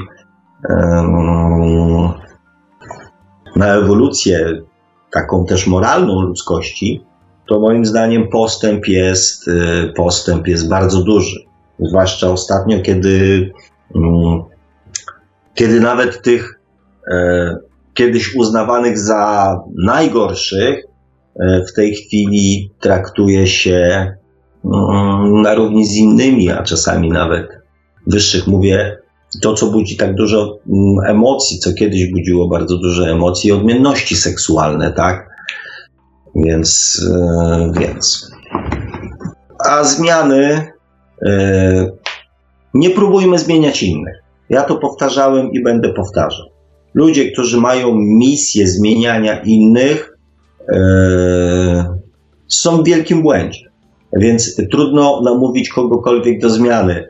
Widzisz, ja mm, mógłbym Ciebie namawiać do tego, że to ty w zasadzie powinieneś też dokonać zmiany mm, samego siebie. Dzisiaj było o prawdzie. Twoja prawda jest taka, że, yy, że ty chcesz namawiać innych do zmiany. A ja nikogo nie namawiam do jakiejkolwiek zmiany, ponieważ ja już wiem, że to nie ma najmniejszego sensu. Świadomość zdobywa się poprzez doświadczanie. I każdy, każdy, każde doświadczenie, w którym uczestniczy, zmienia jego świadomość. Każdy w każdej sekundzie życia rozwija swoją świadomość. I ten bogaty, i ten uparty. Każdy rozwija swoją świadomość. Proces rozwoju duchowego i osobistego trwa nieprzerwanie, non-stop w każdym zakątku tego świata. Tylko każdy tą świadomość buduje na innych doświadczeniach. Więc namawiając kogoś do zrobienia czegoś innego niż jest doświadczeniem ważnym dla niego, burzysz tak jakby, wpływasz na jego proces rozwoju świadomości, jego własnej świadomości. Próbujesz go przekonać do swojej prawdy. Niestety, niestety tak się nie da, ponieważ nikt z nas nie wie, czego druga osoba ma w swoim życiu doświadczyć, żeby wybudować swoją świadomość. Owszem, można po rozmowie ustalić, można pewne rzeczy wywnioskować i można pomóc człowiekowi zdobyć świadomość, zwiększyć świadomość bez przechodzenia na przykład przez te bardzo dramatyczne doświadczenia, pod warunkiem, że, mm, że zrozumie, że zmieni swoją świadomość. Jeżeli nie, to tak jakby, wy, to tak jakby przeszkodziliśmy mu się rozwijać. Więc z naszego punktu widzenia, często z punktu widzenia nauczycieli, bądź osób oświeconych, świadomych, mądrych, y, coachów, guru i innych rzeczy, wydaje nam się, że pomagamy człowiekowi uniknąć jakichś doświadczeń. Natomiast jeżeli nie wiemy, czego ten człowiek miał się nauczyć i co zrozumieć, być może pokrzyżowaliśmy jego e, plany rozwoju jego świadomości i wydłużyliśmy ten proces o następne, nawet nie wiem, kolejne wcielenie. Albo wpakowaliśmy go w następne e, kłopoty podczas e, tego wcielenia albo następnego. Więc, e, więc naprawdę to słowo, które dzisiaj padło do zastanowienia, prawda, czym jest prawda? Weźcie sobie bardzo głęboko do serca. Czy Twoja prawda, Emobilku, prawda każdego słuchacza jest prawdą dla drugiego człowieka. Czy te doświadczenia, które ty w tej chwili zdobywasz, są doświadczeniami również dla drugiego człowieka? Może będą w następnym wcieleniu, a może już były. Może on, żeby swoją świadomość i swoją prawdę poznać, musi przeżyć zupełnie coś innego. Jeżeli tego nie wiesz, nie namawiaj i nie przekonuj ludzi, żeby coś zrobili. Marzenka pisze, e-mobil i co, całą ziemię ludzi chce zjednoczyć? E, jak ktoś kiedyś pięknie napisał, wróć, e, wróć do źródeł. Znaczy, ja, e-mobilku, żeby to też tak nie zabrzmiało jakoś tam z mojej strony niefajnie, ja bardzo cenię ludzi za zapał, za chęć e, zmieniania świata, żeby ten świat był lepszy. Fajnie, super.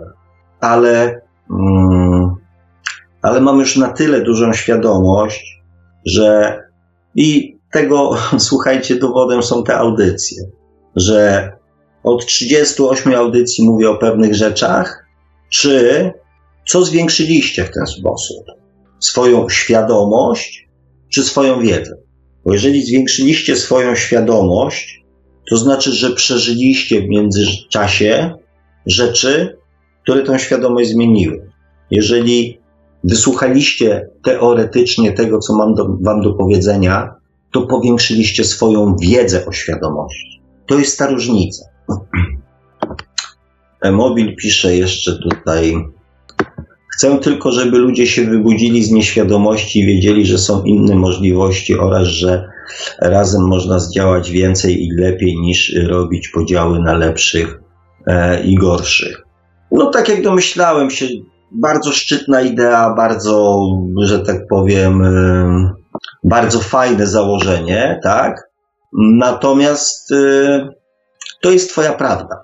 Ja powiem dość, dość brutalnie, e, dość brutalnie, e, bo dużo się mówi negatywnych rzeczy na temat y, wiary, religii i tak dalej, znaczy religii przede wszystkim, ile to złego, ile to krzywdy, ile to coś tam. E, natomiast y, mówią to najczęściej ludzie, którzy właśnie tą e, religię odrzucili jako coś negatywnego, e, a mm, ja zostałem wyrzucony dwa razy, zresztą zostałem wyrzucony z grupy Reinkarnacja, mm, tylko dlatego, że mówiłem OK, ale w poprzednich wcieleniach, zwłaszcza na grupie Reinkarnacja, rzucanie takich haseł, to jest jakby odcinanie się od całej filozofii reinkarnacji. Jaką masz pewność, e, dobry przyjacielu, przyjaciółko, że na przykład, nie wiem, e, tysiąc czy półtora tysiąca lat temu, to nie ty byłaś tą osobą, która tą jakby na przykład religię zmodyfikowała i, i nadała jej taki wymiar, jaki jest na przykład do tej pory, tak? Czy masz taką pewność, czy możesz mieć taką pewność?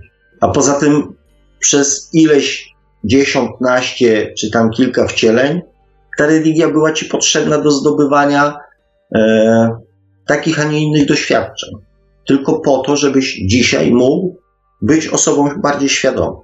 A niektórzy być może jeszcze nie dojrzeli do tego momentu, nie mają na tyle dużej świadomości, żeby się od tej religii odciąć. Więc, więc tak widzicie, tak wyglądają moje audycje.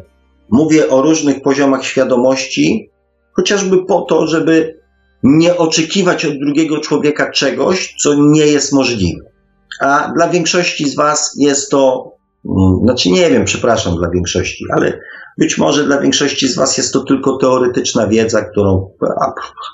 I za chwilę w następnej audycji znowu padają stwierdzenia, bo ja bym chciał, żeby wszyscy e, byli tacy, śmacy, owacy, żeby się obudzili. Kochani, to nie jest koncert życzeń. Poza tym, jeżeli możecie od kogokolwiek czegoś wymagać, to tylko od siebie. Ehm, Marzenka pisze, e-mobil ja też. E, e-mobil pyta, po co są przepisy? Po co każemy się nawzajem, a gdzie dialog, e, moralność i świadomość? E, no widzisz, znowu wracamy do tego samego. Przepisy są dla ludzi, którzy nie mają jeszcze rozwiniętej świadomości. Wiesz, kiedyś um, taki muzułmanin mieszkający w Polsce e, zapytał, znaczy jego zapytano, co tam się u was dzieje. I on powiedział, u nas? A co by się działo w Polsce, gdyby właśnie zniesiono przepisy prawne dotyczące prawa użycia broni i rozdano, y, że tak powiem, y, ludziom broń.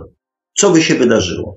Gdyby rozdano ludziom w Polsce broń i powiedziano, że nie poniosą żadnej konsekwencji i odpowiedzialności za jej użycie.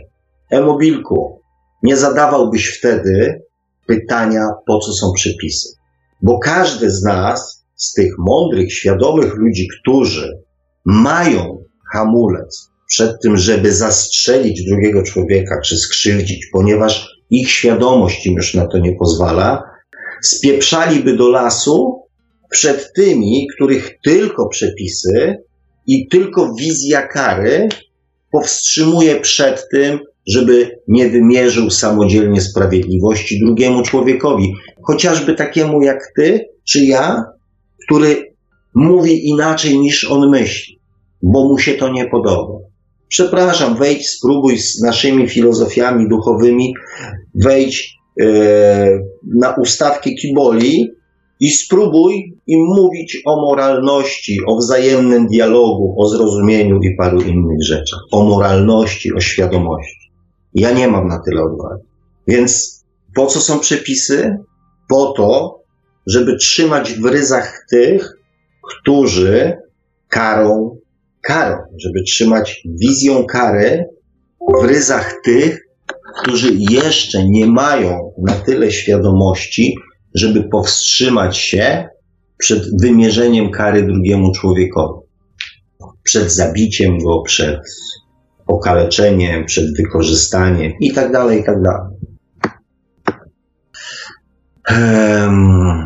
E-mobil pisze, jestem antysystemowy i nie szanuję żadnych przepisów i tylko i w tyłku mam grożące mi konsekwencje. Ja mam świadomość i moralność i nikt, żadna władza mnie nie będzie traktować jak e, niewolnika. Nie będę się dostosowywał na płać e, sto płaci, zdychaj, śmierci, podatki, Franklin, dobro, bo akurat dwie rzeczy, których nie da się obejść, ale są inne rzeczy, które można zlikwidować, na przykład elity, które robią zwykłym ludzie piekło, e, piekło na ziemi.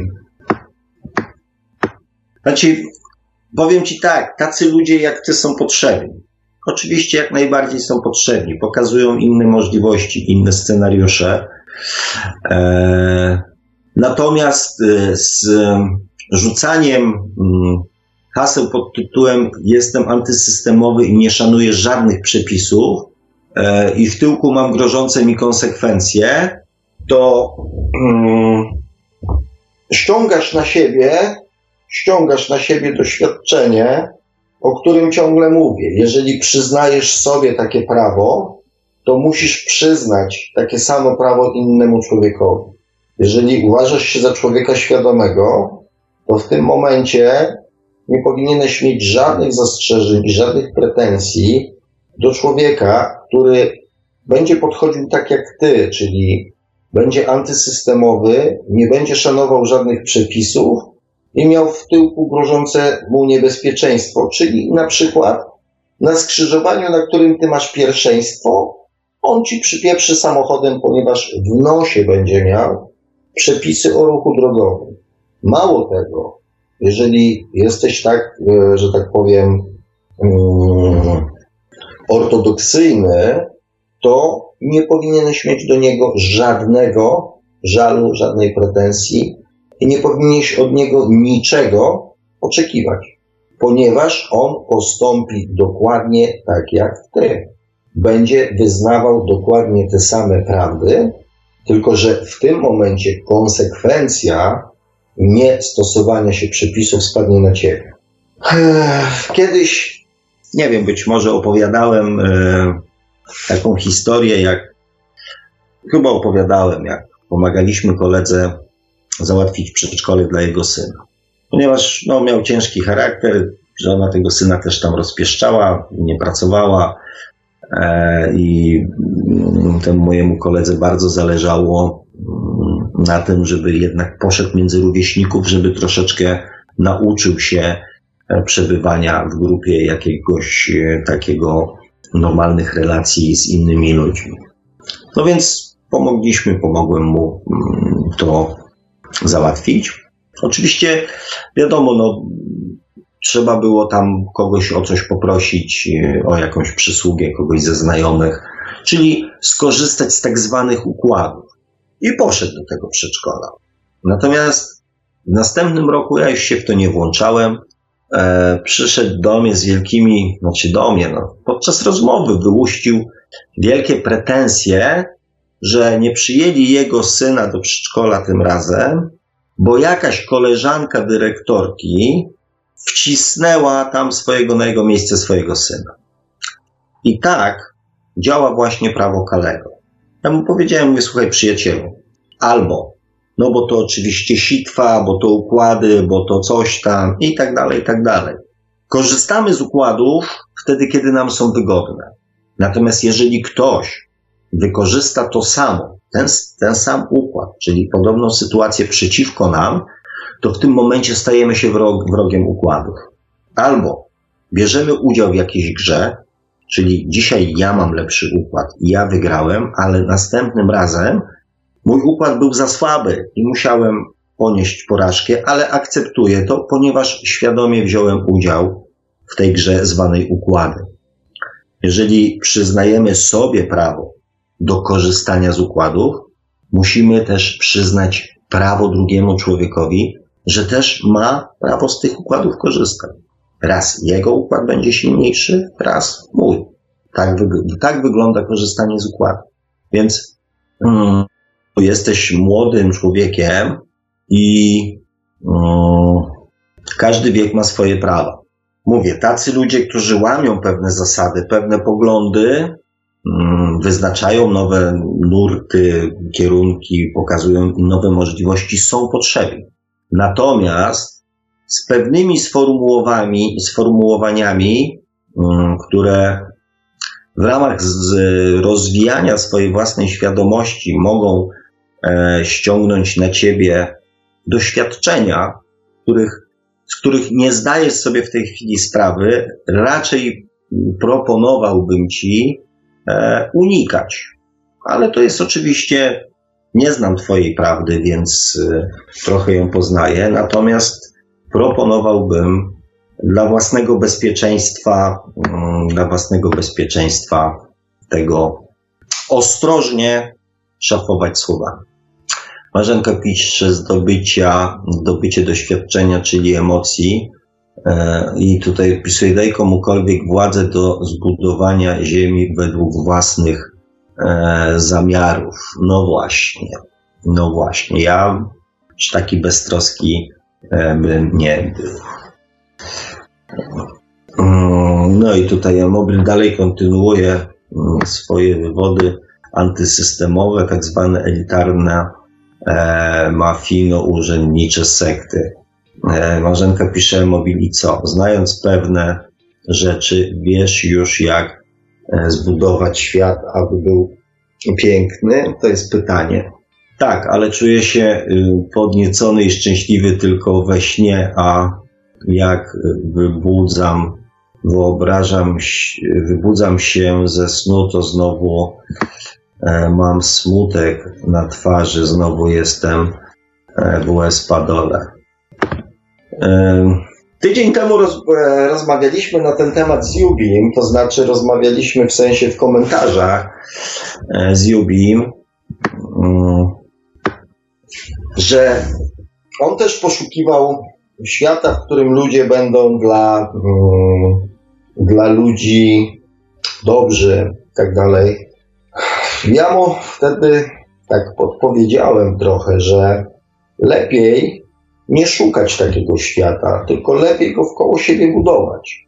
Jeżeli ktoś się budzi w świecie um, i jest w Westpadole, to to znaczy, że takie jest jego doświadczenie że czegoś w ten sposób ma się na przykład o sobie dowiedzieć.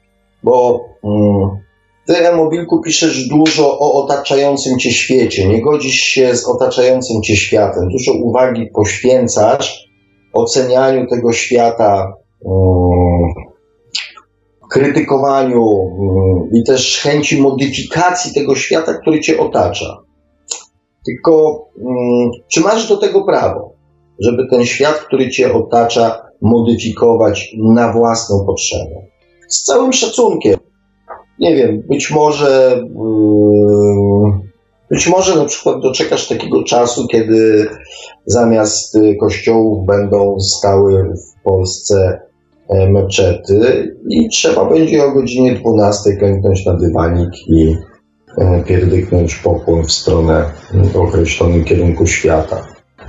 Czy, um, czy zaakceptujesz to, że ktoś inny zmusza cię do życia według jego zasad? Pominąłeś kilka audycji, więc, yy, więc yy, chyba powinieneś nadrobić zaległości, bo ja na ten temat yy, też już mówię od dwóch czy trzech audycji, tak? Nie mamy, nikt z nas nie ma prawa. Wolność też ma swoje granice. I nawet w ostatniej audycji, żeśmy rozmawiali o tej globalnej świadomości, że uczestniczymy w globalnej świadomości, ale umiejętność i możliwość sięgnięcia z zasobów tej globalnej świadomości będzie możliwa dopiero wtedy, kiedy nie będziemy jej, tej wiedzy wykorzystywać przeciwko innym ludziom. A Twoje niestety mm, zapędy są takie troszeczkę w tym stylu. Niestety muszę to powiedzieć i jeszcze raz powtórzyć, nie masz do tego prawa. Ale oczywiście możesz próbować. E, Marzenka pisze, Sławku, mówiłam o prawdzie mojej, twojej, waszej. Okej. Okay. tak myślałem, ale mm, skoro jesteś z nami, to wolałem się upewnić. I tu Emobil też pisze, Sławku, doskonale rozumiem te które rządzą tą rzeczywistością i każdy świadomy człowiek, istota wie, że mm, życie w tej rzeczywistości zmusza nas do różnych zachowań i podziałów oraz pokusy, e, przez które tracimy własną tożsamość albo musimy odgrywać cudze mm, role. Nie tracimy własnej tożsamości i nie odgrywamy cudzych ról.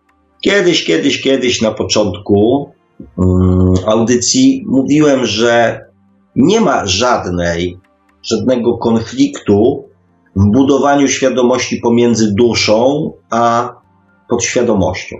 W dążeniu do szczęścia ten konflikt zaczyna się pojawiać.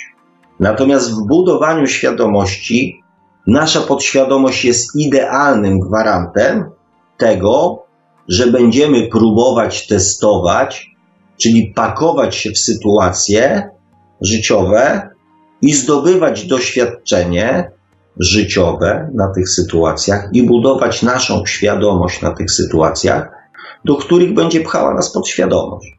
Więc dusza wybiera jakby miejsce e, naszego przyjścia na świat.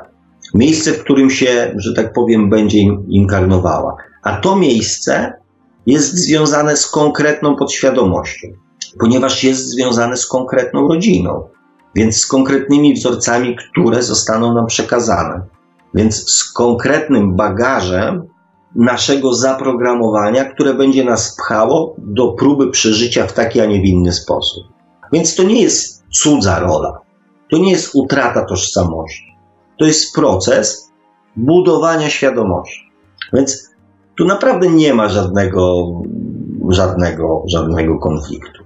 Owszem, jak świadomie próbujemy, już świadomie próbujemy zmierzać w kierunku szczęścia, w które wierzymy, to w tym momencie podświadomość jest pewnego rodzaju balastem, ponieważ nas trzyma przy tych starych e, nawykach.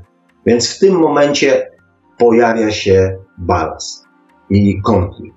Natomiast w momencie, kiedy przestajemy tej podświadomości, albo przynajmniej mamy świadomość tego, że jak wygląda ten mechanizm, ta podświadomość z każdym mm, dniem, tygodniem, miesiącem traci troszeczkę na, mm, na swojej mocy, tak? I zaczynamy bardziej, e, bardziej świadomie e, swoim życiem kierować.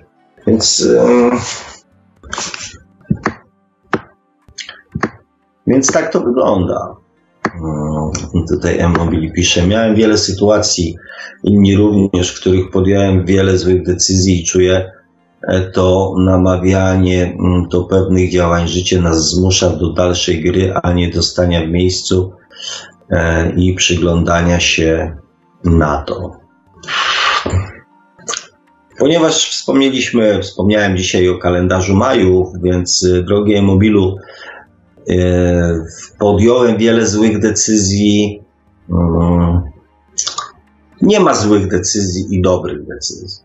Tylko jak mawiają Majowie, jest mądrość światła i mądrość cienia. Zła w sensie takim ziemskim, zła, ponieważ, e, ponieważ, ponieważ pewnie skutki tej decyzji były takie, a nie inne. Natomiast e, może niezbyt fajne dla ciebie.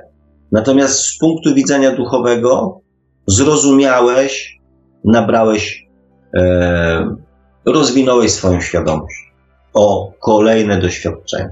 Być może takie, które już przechodziłeś kilka razy w swoich poprzednich e, inkarnacjach, i być może ono było zupełnie niepotrzebne, ale też pokazało ci, do którego momentu, e, jak, bardzo silna, jak bardzo silny wpływ ma e, nasza podświadomość na przykład na nasze działania.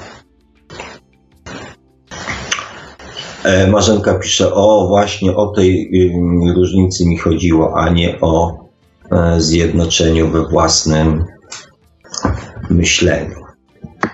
To było do tego, co Mobil wcześniej powiedział. Piszę dalej. W odmiennych stanach świadomości obraz materii bardzo e, nas obrzydza, na przykład wygląd zwierząt oraz natury. Będąc w takim odmiennym stanie, zaczynamy zastanawiać się nad sensem E, życia oraz filozoficzne podchodzimy do stanu egzystencji, zaczynamy kreować własne pomysły e, oraz staramy się zmienić e, sposób życia. W odmiennych stanach świadomości obraz materii bardzo nas obrzydza. Mhm. Tutaj ci powiem, Mobilku, że to jest Twoje odczucie. Dla mnie na przykład. Hmm, cielesność i fizyczność i związane z tym możliwości e, były jakby mm, jednym z głównych e, powodów inkarnowania się. Możliwość e, właśnie bycia w materii i bycia w cielesności. Więc, więc chciałem Ci tak powiedzieć, że to są Twoje odczucia. Ja takich, ja takich nie, nie, nigdy nie posiadałem, to tak. Natomiast tak, filozoficznie, filozoficznie, ja to nazywam filozoficznie. Mm, powiem Ci tak, miałem podobne stany, kiedy wydawało mi się, że, że właśnie takim filozoficznym podejściem mm, wymyślenie takiej metody dla ludzi, żeby byli, żeby wszyscy byli szczęśliwi. Trzymam za ciebie kciuki. Jeżeli ci się to uda, wymyślenie takiej metody, to jestem jak najbardziej całym sercem za tobą. E, Marzenka pisze. E, mobil. Mm. No i chyba właśnie odrobiłem panu czytanie. Tak, tak, tak, ale już złapałem, dzięki panie Marku. Już złapałem wątek. Mobil, jeśli byś był tak świadomy, to byś wiedział, że wygląd nie stanowi, że po tym nie oceniasz. Marzenka pisze jeszcze w Polsce rozdać broń i bez konsekwencji. E, ha, ha, ha, no długie ha, ha, ha wyszło, natomiast ja na samą myśl, e, jedną ostatnich rzeczy, jaka mi przychodzi do głowy, to jest, e, to jest śmiech. Uważam, że to byłoby mm, na pewno niezapomniane wrażenie. Mobil pisze, nie oceniam wyglądu, tylko miałem na myśli, że w odmiennym stanie świadomości nasz wygląd jest iluzoryczny, e, bo to świadomość nadaje kształt i sami sobie wmawiamy, co jest ładne, mm, a co jest brzydkie. Poczekaj, bo tutaj coś namieszałeś. Nie oceniam wyglądu, tylko miałem na myśli, że w odmiennym stanie świadomości nasz wygląd e, jest iluzoryczny, bo to świadomość nadaje kształt i sami sobie wmawiamy, co jest ładne, a co jest brzydkie. To, co jest ładne, a co jest brzydkie, jest akurat bardzo ziemskim e, zjawiskiem zapisanym w naszej podświadomości, tak samo jak smaki, e, jak poczucie gdzieś tam estetyki, aczkolwiek e, poczucie estetyki mm, zwiększa się również ze wzrostem świadomości, czyli prosto mówiąc, ilością e, przeżytych, przeżytych w ciele, z ilością inkarnacji. Ponieważ możliwość kontaktowania się, przebywania w różnych mm, rodzajach, no to tak jakbyśmy przez, nie wiem, tysiąc, dwa tysiące lat przebywali w różnego rodzaju muzeach, czyli obcowali z różnymi, e, z różną sztuką, tak? Z różnymi gatunkami sztuki. No to mniej więcej tak to po chłopsku wygląda, tak? Czyli poznaliśmy i takie, i takie, i takie, i takie, więc to poczucie estetyki jest e, zbudowane no, poprzez naszą świadomość. Marzenka pisze, broń rozdali w Afryce i co? Nie wiem, co masz Marzenko na myśli, mówiąc, że broń rozdali w Afryce. Natomiast ja cały czas zmierzam, ja cały czas zmierzam do tego, o czym mówił wcześniej Mobil, że życie bez praw, bez y, przepisów, bez jakichś tam norm będzie możliwe wtedy, kiedy ludzie osiągną przynajmniej w większości taki poziom świadomości, będą postępowali nie według przepisów prawa, tylko według przepisów tak jakby duszy.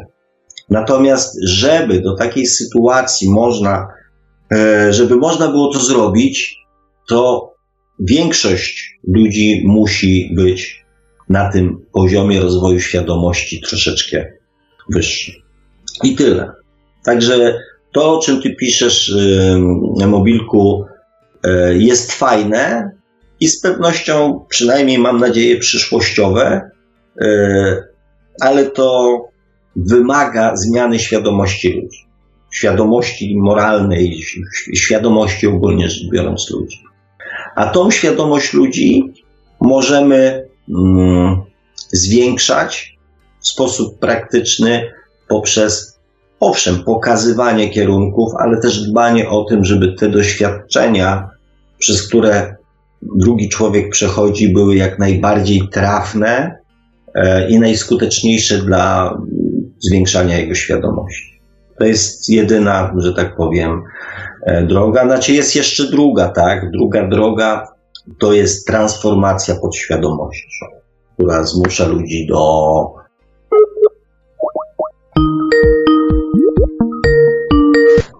Ale no właśnie coś tak, coś tu się wydarzyło. No nie niestety coś nam tutaj urwało połączenie. Nie wiem co się stało, ale nagle nam pan tak znikł. Tak właśnie wywnioskowałem, bo zobaczyłem komunikat, że Messengera mam niedostępnego, ale patrząc na routerze wszystko powinno być ok. No ale dobrze, dziękuję, że pan... No ale też miałem ostatnio problem z routerem. Niby wszystko było ok, a tak naprawdę po prostu coś się działo takiego, że strony ni z gruchy, ni z pietruchy przestawały działać. Dopiero po, jak wyłączyłem i włączyłem ponownie Wi-Fi w Windowsie, to wszystko przez jakiś czas działało, a potem znowu. No czyli wszystko przez Windowsa, jak zawsze. No, jak zawsze. Tak jest. Ale bardzo. jesteśmy z powrotem i Tak. znów się słyszymy. Mam nadzieję, że słuchacze nie pouciekali. Eee, Marzenka tutaj pisze do Emobila i w zasadzie cieszę się, że to padło nie z moich ust. Yy, mm, Marzenka pisze prosto Emobil, mm, pokochaj, e, pokochaj siebie.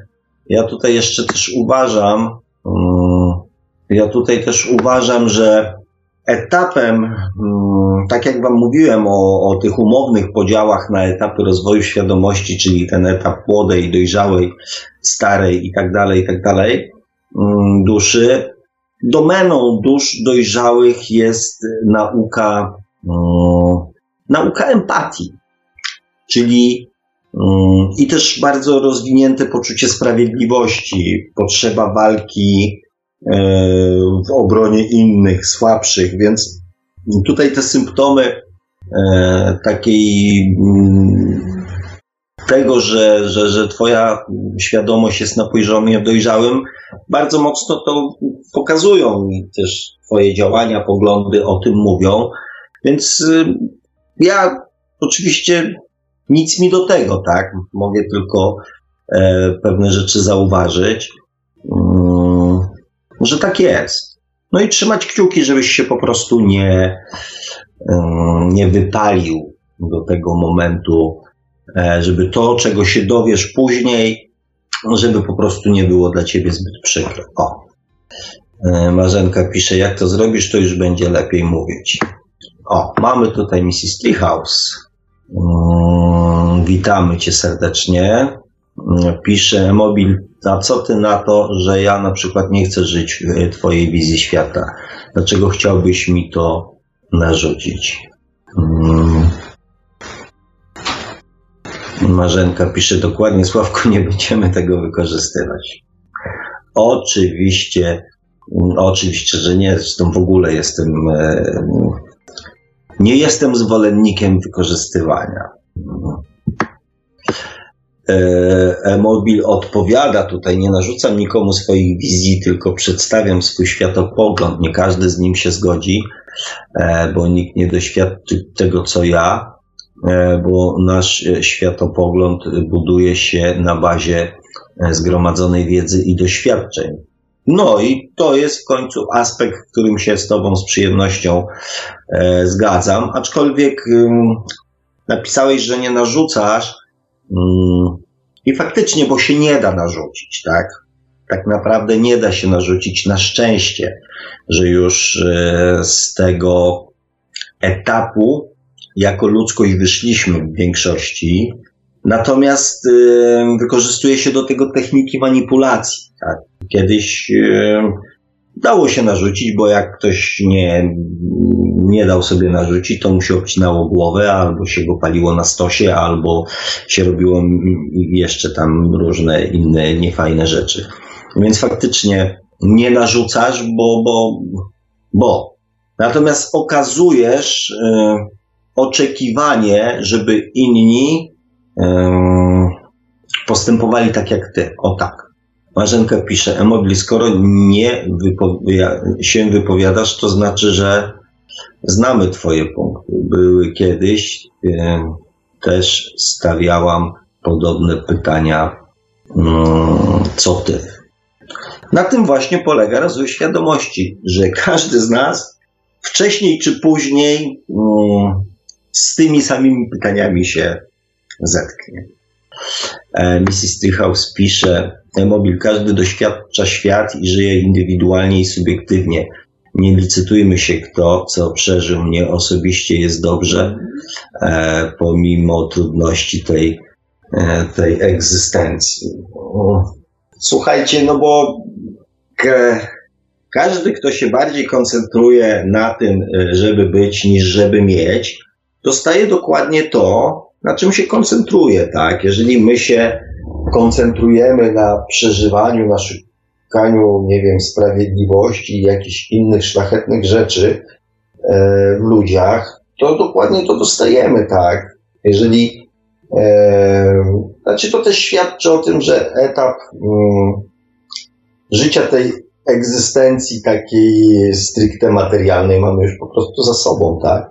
Że wchodzimy teraz w jakieś inne sfery rozważań, zdobywania doświadczeń i dlatego się borykamy z, z egzystencją. E-mobil pisze, aczkolwiek e, poprawy tej sytuacji każdemu e, z Was oraz sobie z całego serca życzę. E-mobil pisze, światopogląd nigdy nie będzie taki sam u wszystkich. To my budujemy go indywidualnie. Może być tak, że jest podobny do innych albo i nie. No właśnie, co to jest światopogląd? Czym jest światopogląd? Dobre pytanie. Dobra, zawiesiłem się i czytam tutaj mm, e-mobilka następną wypowiedź Sławku, gdy e, przez chwilę będziesz kaleką, niepełnosprawność, Y, albo będziesz przebywał wśród takich osób, to może być tak, że zrozumiesz y, mój światopogląd. Y, e-mobilku. Zresztą nie tylko. Kochani, to jest tak, że jeżeli mm, cierpimy z jakiegoś powodu, to tak jak z każdą rzeczą, wydaje nam się, że nasze cierpienie jest największe. I dla nas jest największe. E, jest jeszcze jedna taka rzecz, że mm, jeżeli cierpimy, to mniejszą uwagę poświęcamy cierpieniu innych.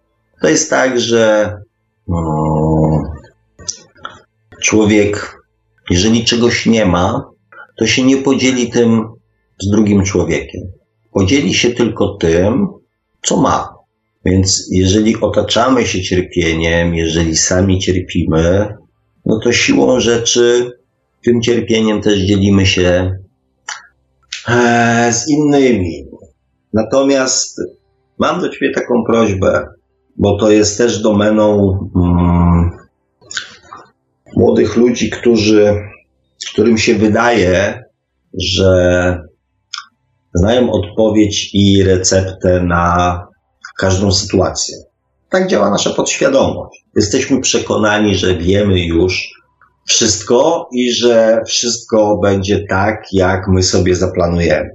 E, I często młodzi ludzie udzielają rad innym, zupełnie się nie zastanawiając nad tym, co tamci ludzie tak naprawdę przeżyli. I napisałeś tutaj, i to jest jakby ja nie mam do ciebie żalu, nie mam pretensji. No, tylko zastanów się, zanim, żeby napisać coś do drugiego człowieka, trzeba sporo o nim wiedzieć. Więc nie wiem, co masz na myśli, ale stwierdzenie albo będziesz przebywał wśród takich osób, napisałeś o niepełnosprawności, to ja się zadam, zadam Ci takie pytanie, czy 24 lata przebywania z taką osobą to jest wystarczający już okres czasu według Ciebie, czy jeszcze troszeczkę za mało, żeby Twój mm, światopogląd zrozumieć? Jeżeli nie wiesz, kogo mam na myśli, to znaczy, że może zbyt późno włączyłeś się do tych audycji, a jeżeli masz, to masz świadomość i wiesz, o czym mówię, to wyciągnij to jako też pewnego rodzaju wniosek, że ludzie po pierwsze ze swoimi problemami bądź sytuacjami nie obnoszą się aż tak bardzo, przynajmniej większość ludzi, i często to, co najbardziej dla nich bolesne, najgłębiej ukrywają. Więc ostrożnie z taką, e, z taką oceną e, drugiego człowieka. E, anatomia ludzi i zwierząt jest dla upokorzeniem i obrzydzeniem, bo to jakbym oglądał jakiś horror. No właśnie, mm, no właśnie to jest twoje, to jest twoja prawda. To jest twoja prawda i tutaj Marzenka też pisze, mobil to też nie stanowi o ogólnej świadomości. Eee, no tutaj mobil pisze na przykład ludzie brzydzą się szczurami, a inne zwierzęta brzydzą się ludźmi. E, e-mobil to właśnie stanowi o Twoim człowieczeństwie, jaka jest różnica w niepełnosprawnym szczurku i człowieku. I tego nie rozumiem. Zrobim sobie pięć mion. Nie wiem o co chodzi.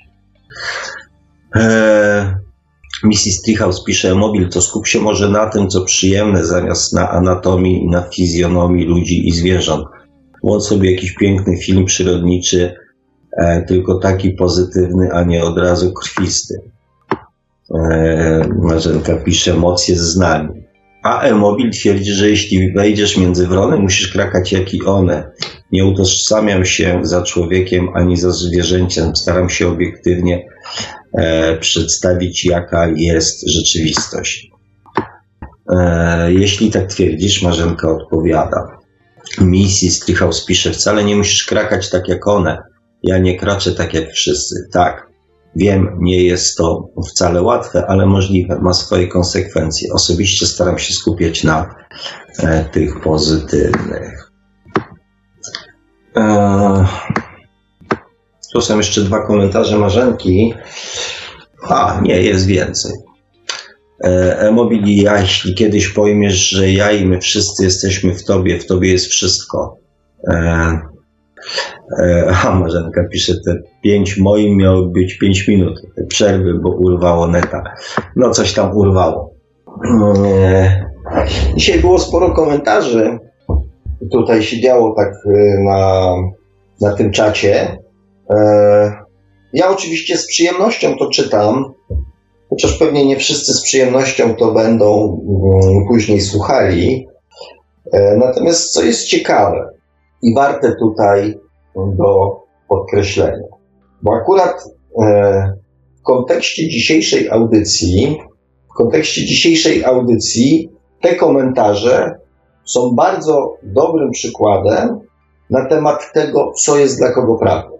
Bo czy te komentarze, i to jest pytanie do Emobila, który potoczył tutaj e, jakby swój tradycyjny wątek, i ja się pytam, czy te komentarze miały jakikolwiek wniosek, jakikolwiek, nie wniosek, tylko coś wspólnego z tematem dzisiejszej audycji. Bo mówię, gdyby nie to, że Emobil oraz tutaj nasze panie, które zechciały wziąć udział w tej dyskusji, E, i, też podzielić się swoimi poglądami, to ty, drogie mobilu, przedstawiłeś swoją wersję swojej prawdy. I to jest jedyna rzecz, która łączy to, co tutaj napisałeś, z tym, o czym ja mówiłem w dzisiejszej audycji. Więc e, tak na dobrą sprawę możemy następną audycję zacząć od komentarzy. Możemy tak zrobić że ja w ogóle nic nie będę mówił, bo to nie ma najmniejszego sensu. Bo skoro nie rozmawiamy o tym, o czym ja mówię, to dla mnie są dwa wnioski. Znaczy, w zasadzie jeden, że to osoby, które dzisiaj czytam Ciebie dokładnie, Mobilku, który tutaj nakręciłeś tą dyskusję, w ogóle nie interesuje to, co ja miałem do powiedzenia. Czyli, czy jest sens, żebym ja cokolwiek mówił? Skoro tak naprawdę nie odniosłeś się tutaj do tego, co ja przekazałem e, w audycji, tylko oczekiwałeś ode mnie oraz od słuchaczy mojej audycji, co chciałem podkreślić, że ja tą audycję wymyśliłem i ja tą audycję prowadzę. A ty wykorzystujesz moich słuchaczy, by uczestniczyli w temacie, który ty narzucasz. Nie w temacie, który ja wymyśliłem na tą audycję, tylko w temacie, który ty narzuciłeś. I mówię o tym, znaczy to nie jest pierwszy taki przypadek w tych audycjach. Kiedy rozmawiamy o czymś zupełnie innym niż temat audycji. Więc pomyśl, e, czemu Tobie służą audycje, które prowadzę. Do czego Tobie służą? Ponieważ, tak jak Marzenka napisała, uczestniczysz w tych audycjach od bardzo dawna. A wątki, które poruszasz, są ciągle te same, chociaż tematy audycji, które ja poruszam, są czasami bardzo różne. Więc, yy, więc pomyśl o sobie. Ja nie wiem, jak reszta słuchaczy, no, ci, którzy biorą udział w, yy, ci, którzy biorą udział w dyskusji, to jakby oni się określają na bieżąco, tak, jaki jest ich stosunek do tego, tak. E, natomiast w dyskusji bierze udział czasami dzisiaj trzy osoby, pięć osób, czasami dwadzieścia. Natomiast słuchających czy tam odsłuchujących później e, w radio i, i powiedzmy na YouTubie jest setki czy nawet tysiące. Więc nie wiem, czy oni też są zainteresowani e, bardziej tym, co ty piszesz, czy tym, co ja mówię. Może warto, um, może warto na ten temat porozmawiać. Bo jeżeli faktycznie być może faktycznie tak jest, że tematy, które poruszacie wy, kochani, na tych czatach są ważniejsze od tych, które poruszam ja, znaczy ważniejsze dla was, tak? Mm. Bo ja, jak się pewnie domyślacie, nie prowadzę tych audycji dla siebie, w sensie, żeby usłyszeć swój głos w radiu albo później na YouTubie, albo żeby czegoś się z tych audycji dowiedzieć dla siebie. No może czasami coś tam się dowiaduje jeszcze o samym sobie, tak? Ogólnie rzecz biorąc, te audycje są dla Was. Więc jeżeli formuła samych komentarzy i wy będziecie zadawali pytania, a ja będę się do nich odnosił, jest fajna, to okej, okay, to tak zróbmy. Czyli następną audycję, e, następną audycję zaczynamy po prostu od komentarzy. Czyli ja nie narzucam żadnego tematu, tylko będę odpowiadał na Wasze pytania i Wasze, Wasze komentarze. Trochę tak się poczułem, jakby y, nawiązując do 1 września, czy do, do drugiego, do początku roku szkolnego, ja tak się poczułem, jakbym był na lekcji. Czemu? Jakiś krnąbrny, krnąbrny uczeń. Temat lekcji powiedzmy, że jest e, tematem jest Adam Mickiewicz i jego pan Tadeusz, a jakiś krnąbrny uczeń e, zmienia temat lekcji na coś zupełnie innego. Znaczy, no, no tak. No tak odbywa, się, odbywa się konfrontacja krnąbrny uczeń kontra nauczyciel. Nauczyciel mówi swoje, a uczeń milczy. Jakoś tak nam e-mobil zamilkł chyba na czacie z tego, co tu widzę. Znaczy, ja tak jak mówię, w kontekście dzisiejszej tematyki, to był bardzo właśnie fajny, e, fajne, mm, fajnie pokazane, jak e, trudno nam jest pewne rzeczy e, zmienić. Jak bardzo ważna jest ta nasza prawda i ona jest taka e, najważniejsza, tak? Ale a propos Emobil coś napisał, więc wróćmy do komentarzy. Marzenka napisała dokładnie Sławku, czyja prawda jest e, najmojsza i mojsza. E, I prawda jest ta, którą masz w sobie. Mm, I też ta prawda, mm, Marzenko oraz do pozostałych słuchaczy, ta prawda cały czas w mniejszym bądź większym stopniu ewoluuje. I po raz mm, każde doświadczenie powoduje, że się znowu przekonujemy, czy to, co wydawało nam się takie super, hiper, e, przy bliższym poznaniu jest takie właśnie super, hiper. E, tutaj Marzenka pisze, Sławku, hehe, pojechałeś teraz. Nie wiem, co ty masz, Marzenko, na myśli, ale wiesz, e, życie. Mm, jak pisałam wcześniej, wróć do źródeł. A to do mnie było. Ja myślałem, że do Emobila.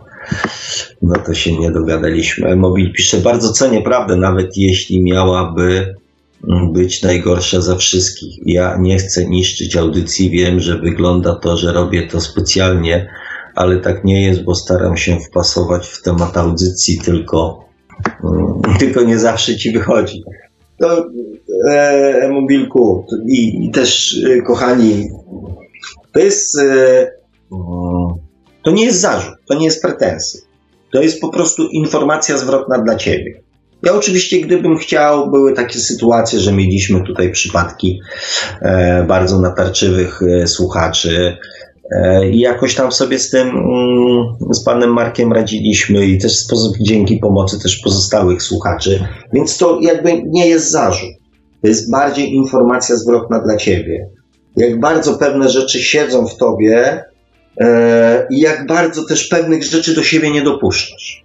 Więc bardziej pomyśl o tym pod tym kątem, tak? Jak, jak bardzo chcesz pewne rzeczy cały czas wyłuszczać, jak bardzo sobie mm, do tej pory z tymi tematami jeszcze, z pewnymi tematami nie, nie poradziłeś. To tylko i wyłącznie to. Ja nie jestem człowiekiem obrażalskim, aczkolwiek e, takie przywołanie we mnie tego nauczyciela tutaj przez pana Marka, może faktycznie coś w tym jest. Mam nadzieję też, że, że nie uraziłem ciebie albo nie zniechęciłem. E, także myślę, że będzie wszystko w porządku, a a też mówię, chodzi o innych słuchaczy, tak? Nie chodzi o mnie, bo jeżeli jest jeden słuchacz i chce rozmawiać, to ja rozmawiam z jednym słuchaczem. E, tylko też chodzi o innych, którzy się nie wypowiadają, tak? Czy to dla nich akurat będzie w jakiś sposób pouczające, czy to będzie dla nich e, przydatne, bo czuję taką odpowiedzialność nie tylko za ciebie i za tych kilka osób, które uczestniczą w czacie, ale również za tych słuchaczy, którzy, um, którzy się nie wypowiadają, o tak. Um, Marzenka pisze, pan Tadeusz uśmiała się bajkę przełóż, dobrze. E, Marzenka pisze mm, o różnym poziomie słuchaczy, e, a i tutaj Emobil dokończył, tylko moje wpisy trochę odbiegają od tego, co przedstawia się w audycji. Mm. No tak, no to się, mówię, to się dało zauważyć, ale to mówię też świadczy o tym, że w tobie to bardzo mocno gdzieś tam siedzi takie niepogodzenie się z, z pewnymi rzeczami. E, niepogodzenie to jest zawsze walka, a jak e, jest walka, to w walce zawsze są e, walka, wojna, to są zawsze ofiary i zawsze są jakieś straty. Więc ja Ci życzę, żebyś jak najszybciej to doświadczenie w sensie świadomościowym zrozumiał. Bo zrozumienie tego, przez co się przechodzi, zamyka Doświadczenie trwa do tego momentu, dopóki go nie zrozumiemy. I do mm, tego momentu będziemy wlewać wodę do kwasu, a ono będzie na nas pryskać, aż nie zrozumiemy, że kwas trzeba wlewać do wody. Więc zrozumienie sensu doświadczenia i wyciągnięcie właściwych wniosków kończy doświadczenie. Także tego Ci um, oczywiście z całego serca życzę, zresztą sobie też.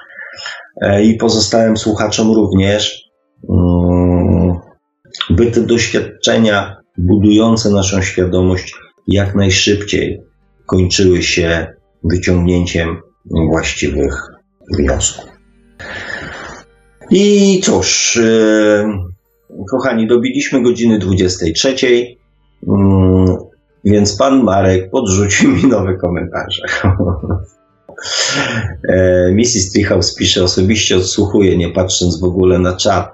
E, nie wypowiedziałabym się dzisiaj, gdyby nie komentarze, które odczytywałeś, Sławku. Weszłam na czat tylko z tego powodu.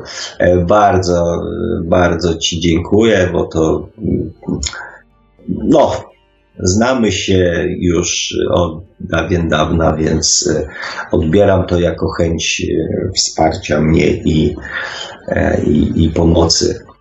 O, Marzenka, to widzę, że my dzisiaj mamy Marzenko ta, ewidentny talent do dogadywania się. E, Marzenka napisała wróć do źródeł, było jednak do e-mobila, nie do mnie, no dobrze.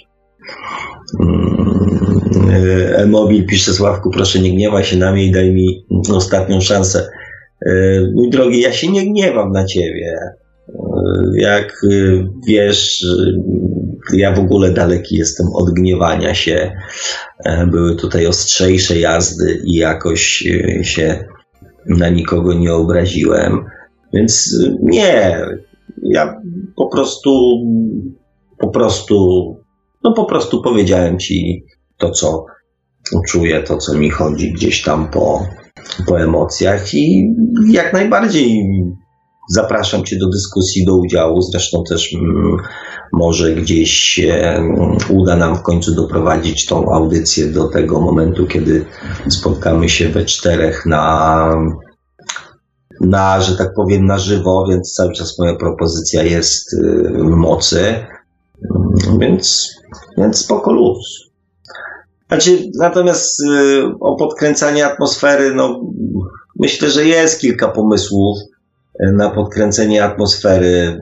Mógłbym na przykład zacząć mówić o, mm, o rozwoju duchowym polityków i na przykład celebrytów. Myślę, że byśmy dobili tutaj do mm, oglądalności nie na poziomie tysiąca, tylko na pewno dziesiątek, a może i setek tysięcy odsłon. Tylko tylko, że gdybym chciał to robić, to już bym to zaczął robić.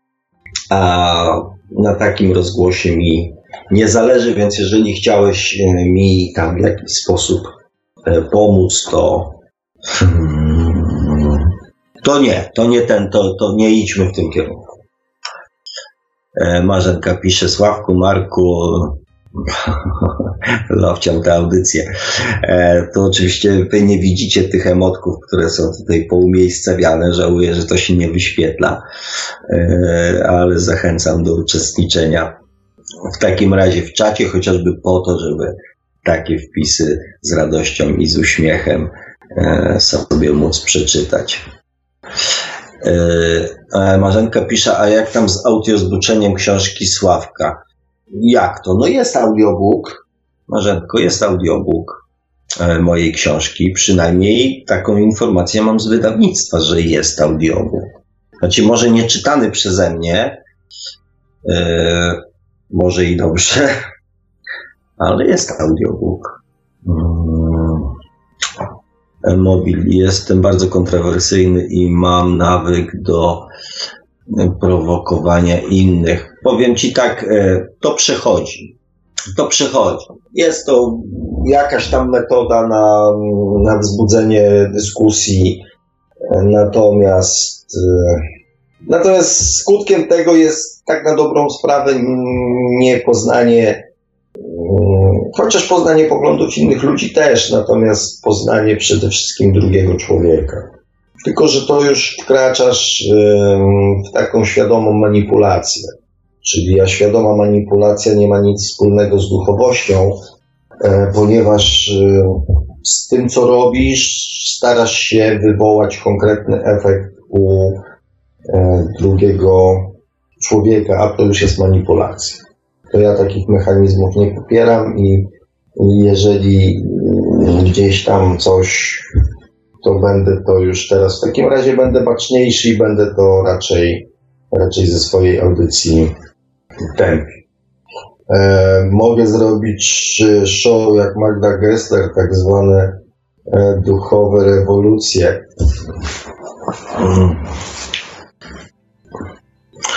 Znaczy, powiem tak, moglibyśmy coś takiego, moglibyśmy coś takiego zrobić, ale na pewno e, nie w tej formule i nie, e,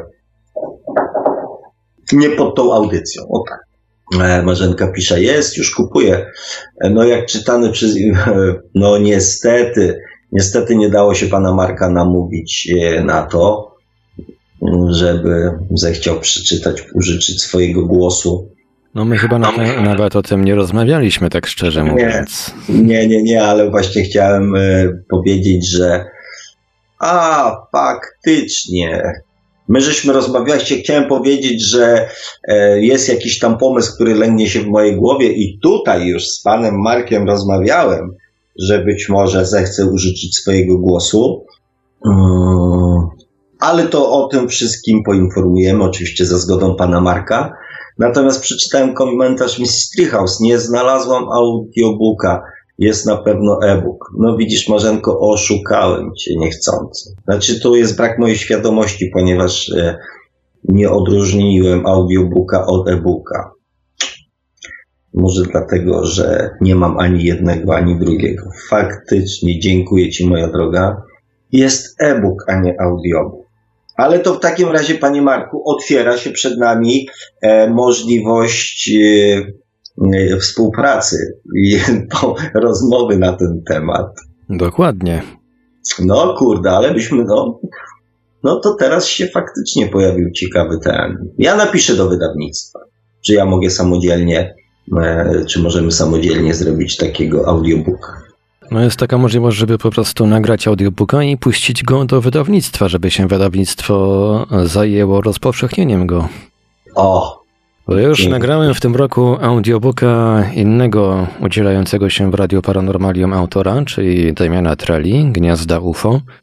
No i audiobook już się sprzedaje. No, wydawnictwo trochę się opieprza, kolokwialnie mówiąc, z promocją audiobooka, ale my tam swoimi skromnymi, e, skromnymi środkami jakoś to staramy się promować. No proszę bardzo, to ja w takim razie z przyjemnością wrócę e, z panem rozmowy. E, Tutaj ja już widzę, że ten, że mm, promocją to się zajmą inni tutaj. E, Myślę, że tutaj słuchacze by nas może wsparli w tym wszystkim. E, No bo promocja takiego zestawu, e, pan Marek i ja, to po prostu czysta przyjemność, jak się domyślam. E, Także myślę, że o, oczywiście tak, dziewczyny się już śmieją. Mm. Mrs. Treehouse pisze. E, o, a, bo to się wcześniej pojawiło.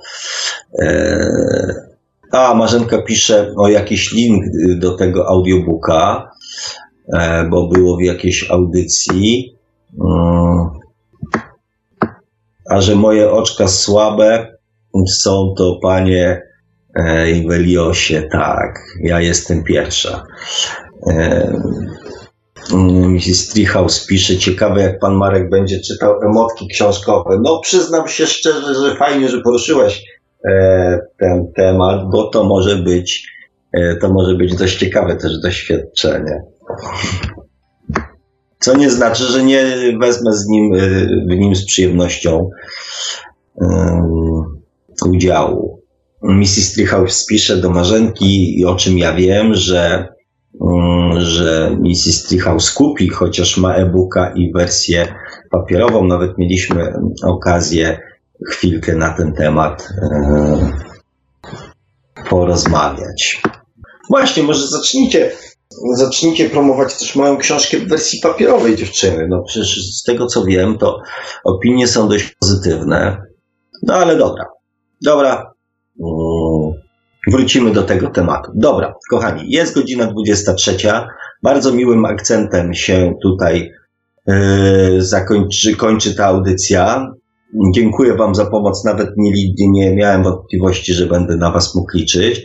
E, A ja z panem Markiem naprawdę odezwę się do wydawnictwa i z panem Markiem na temat tego audiobooka. mm, Z przyjemnością porozmawiam, panie Mark. Kochani, dzisiaj było o kilku aspektach. Przede wszystkim o różnicy pomiędzy programowaniem, wiedzą, a świadomością. I też porozmawialiśmy sobie o tej prawdzie, jak ona wygląda. Yy, I jak zazwyczaj nie naciskam, tak tym razem proszę, żeby może w następnych audycjach nie było niektórych pytań. Zastanówcie się nad tym mechanizmem, jaki byłby e, przez Was wymyślony do tego, żeby tą świadomość budować w jak najkrótszym czasie. Może coś wspólnie wymyślimy. I też jak widzicie, ta prawda, którą którą wszyscy, każdy z nas z osobna wierzy, e, jest bardzo często tą prawdą niepodważalną, więc zastanówcie się, jaka jest Wasza prawda.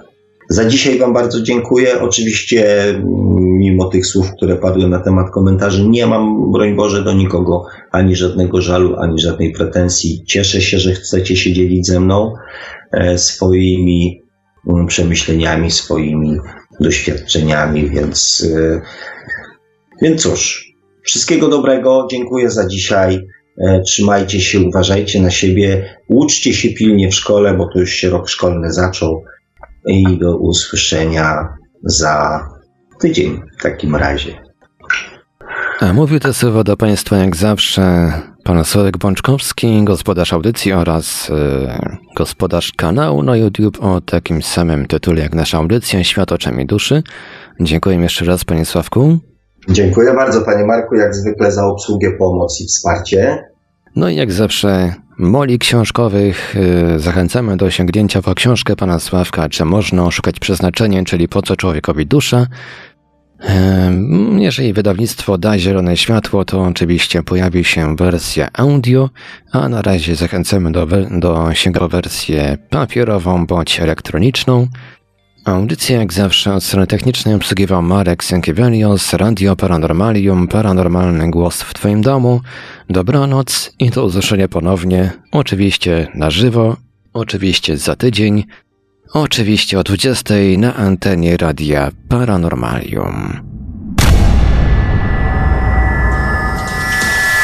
Produkcja i realizacja Radio Paranormalium www.paranormalium.pl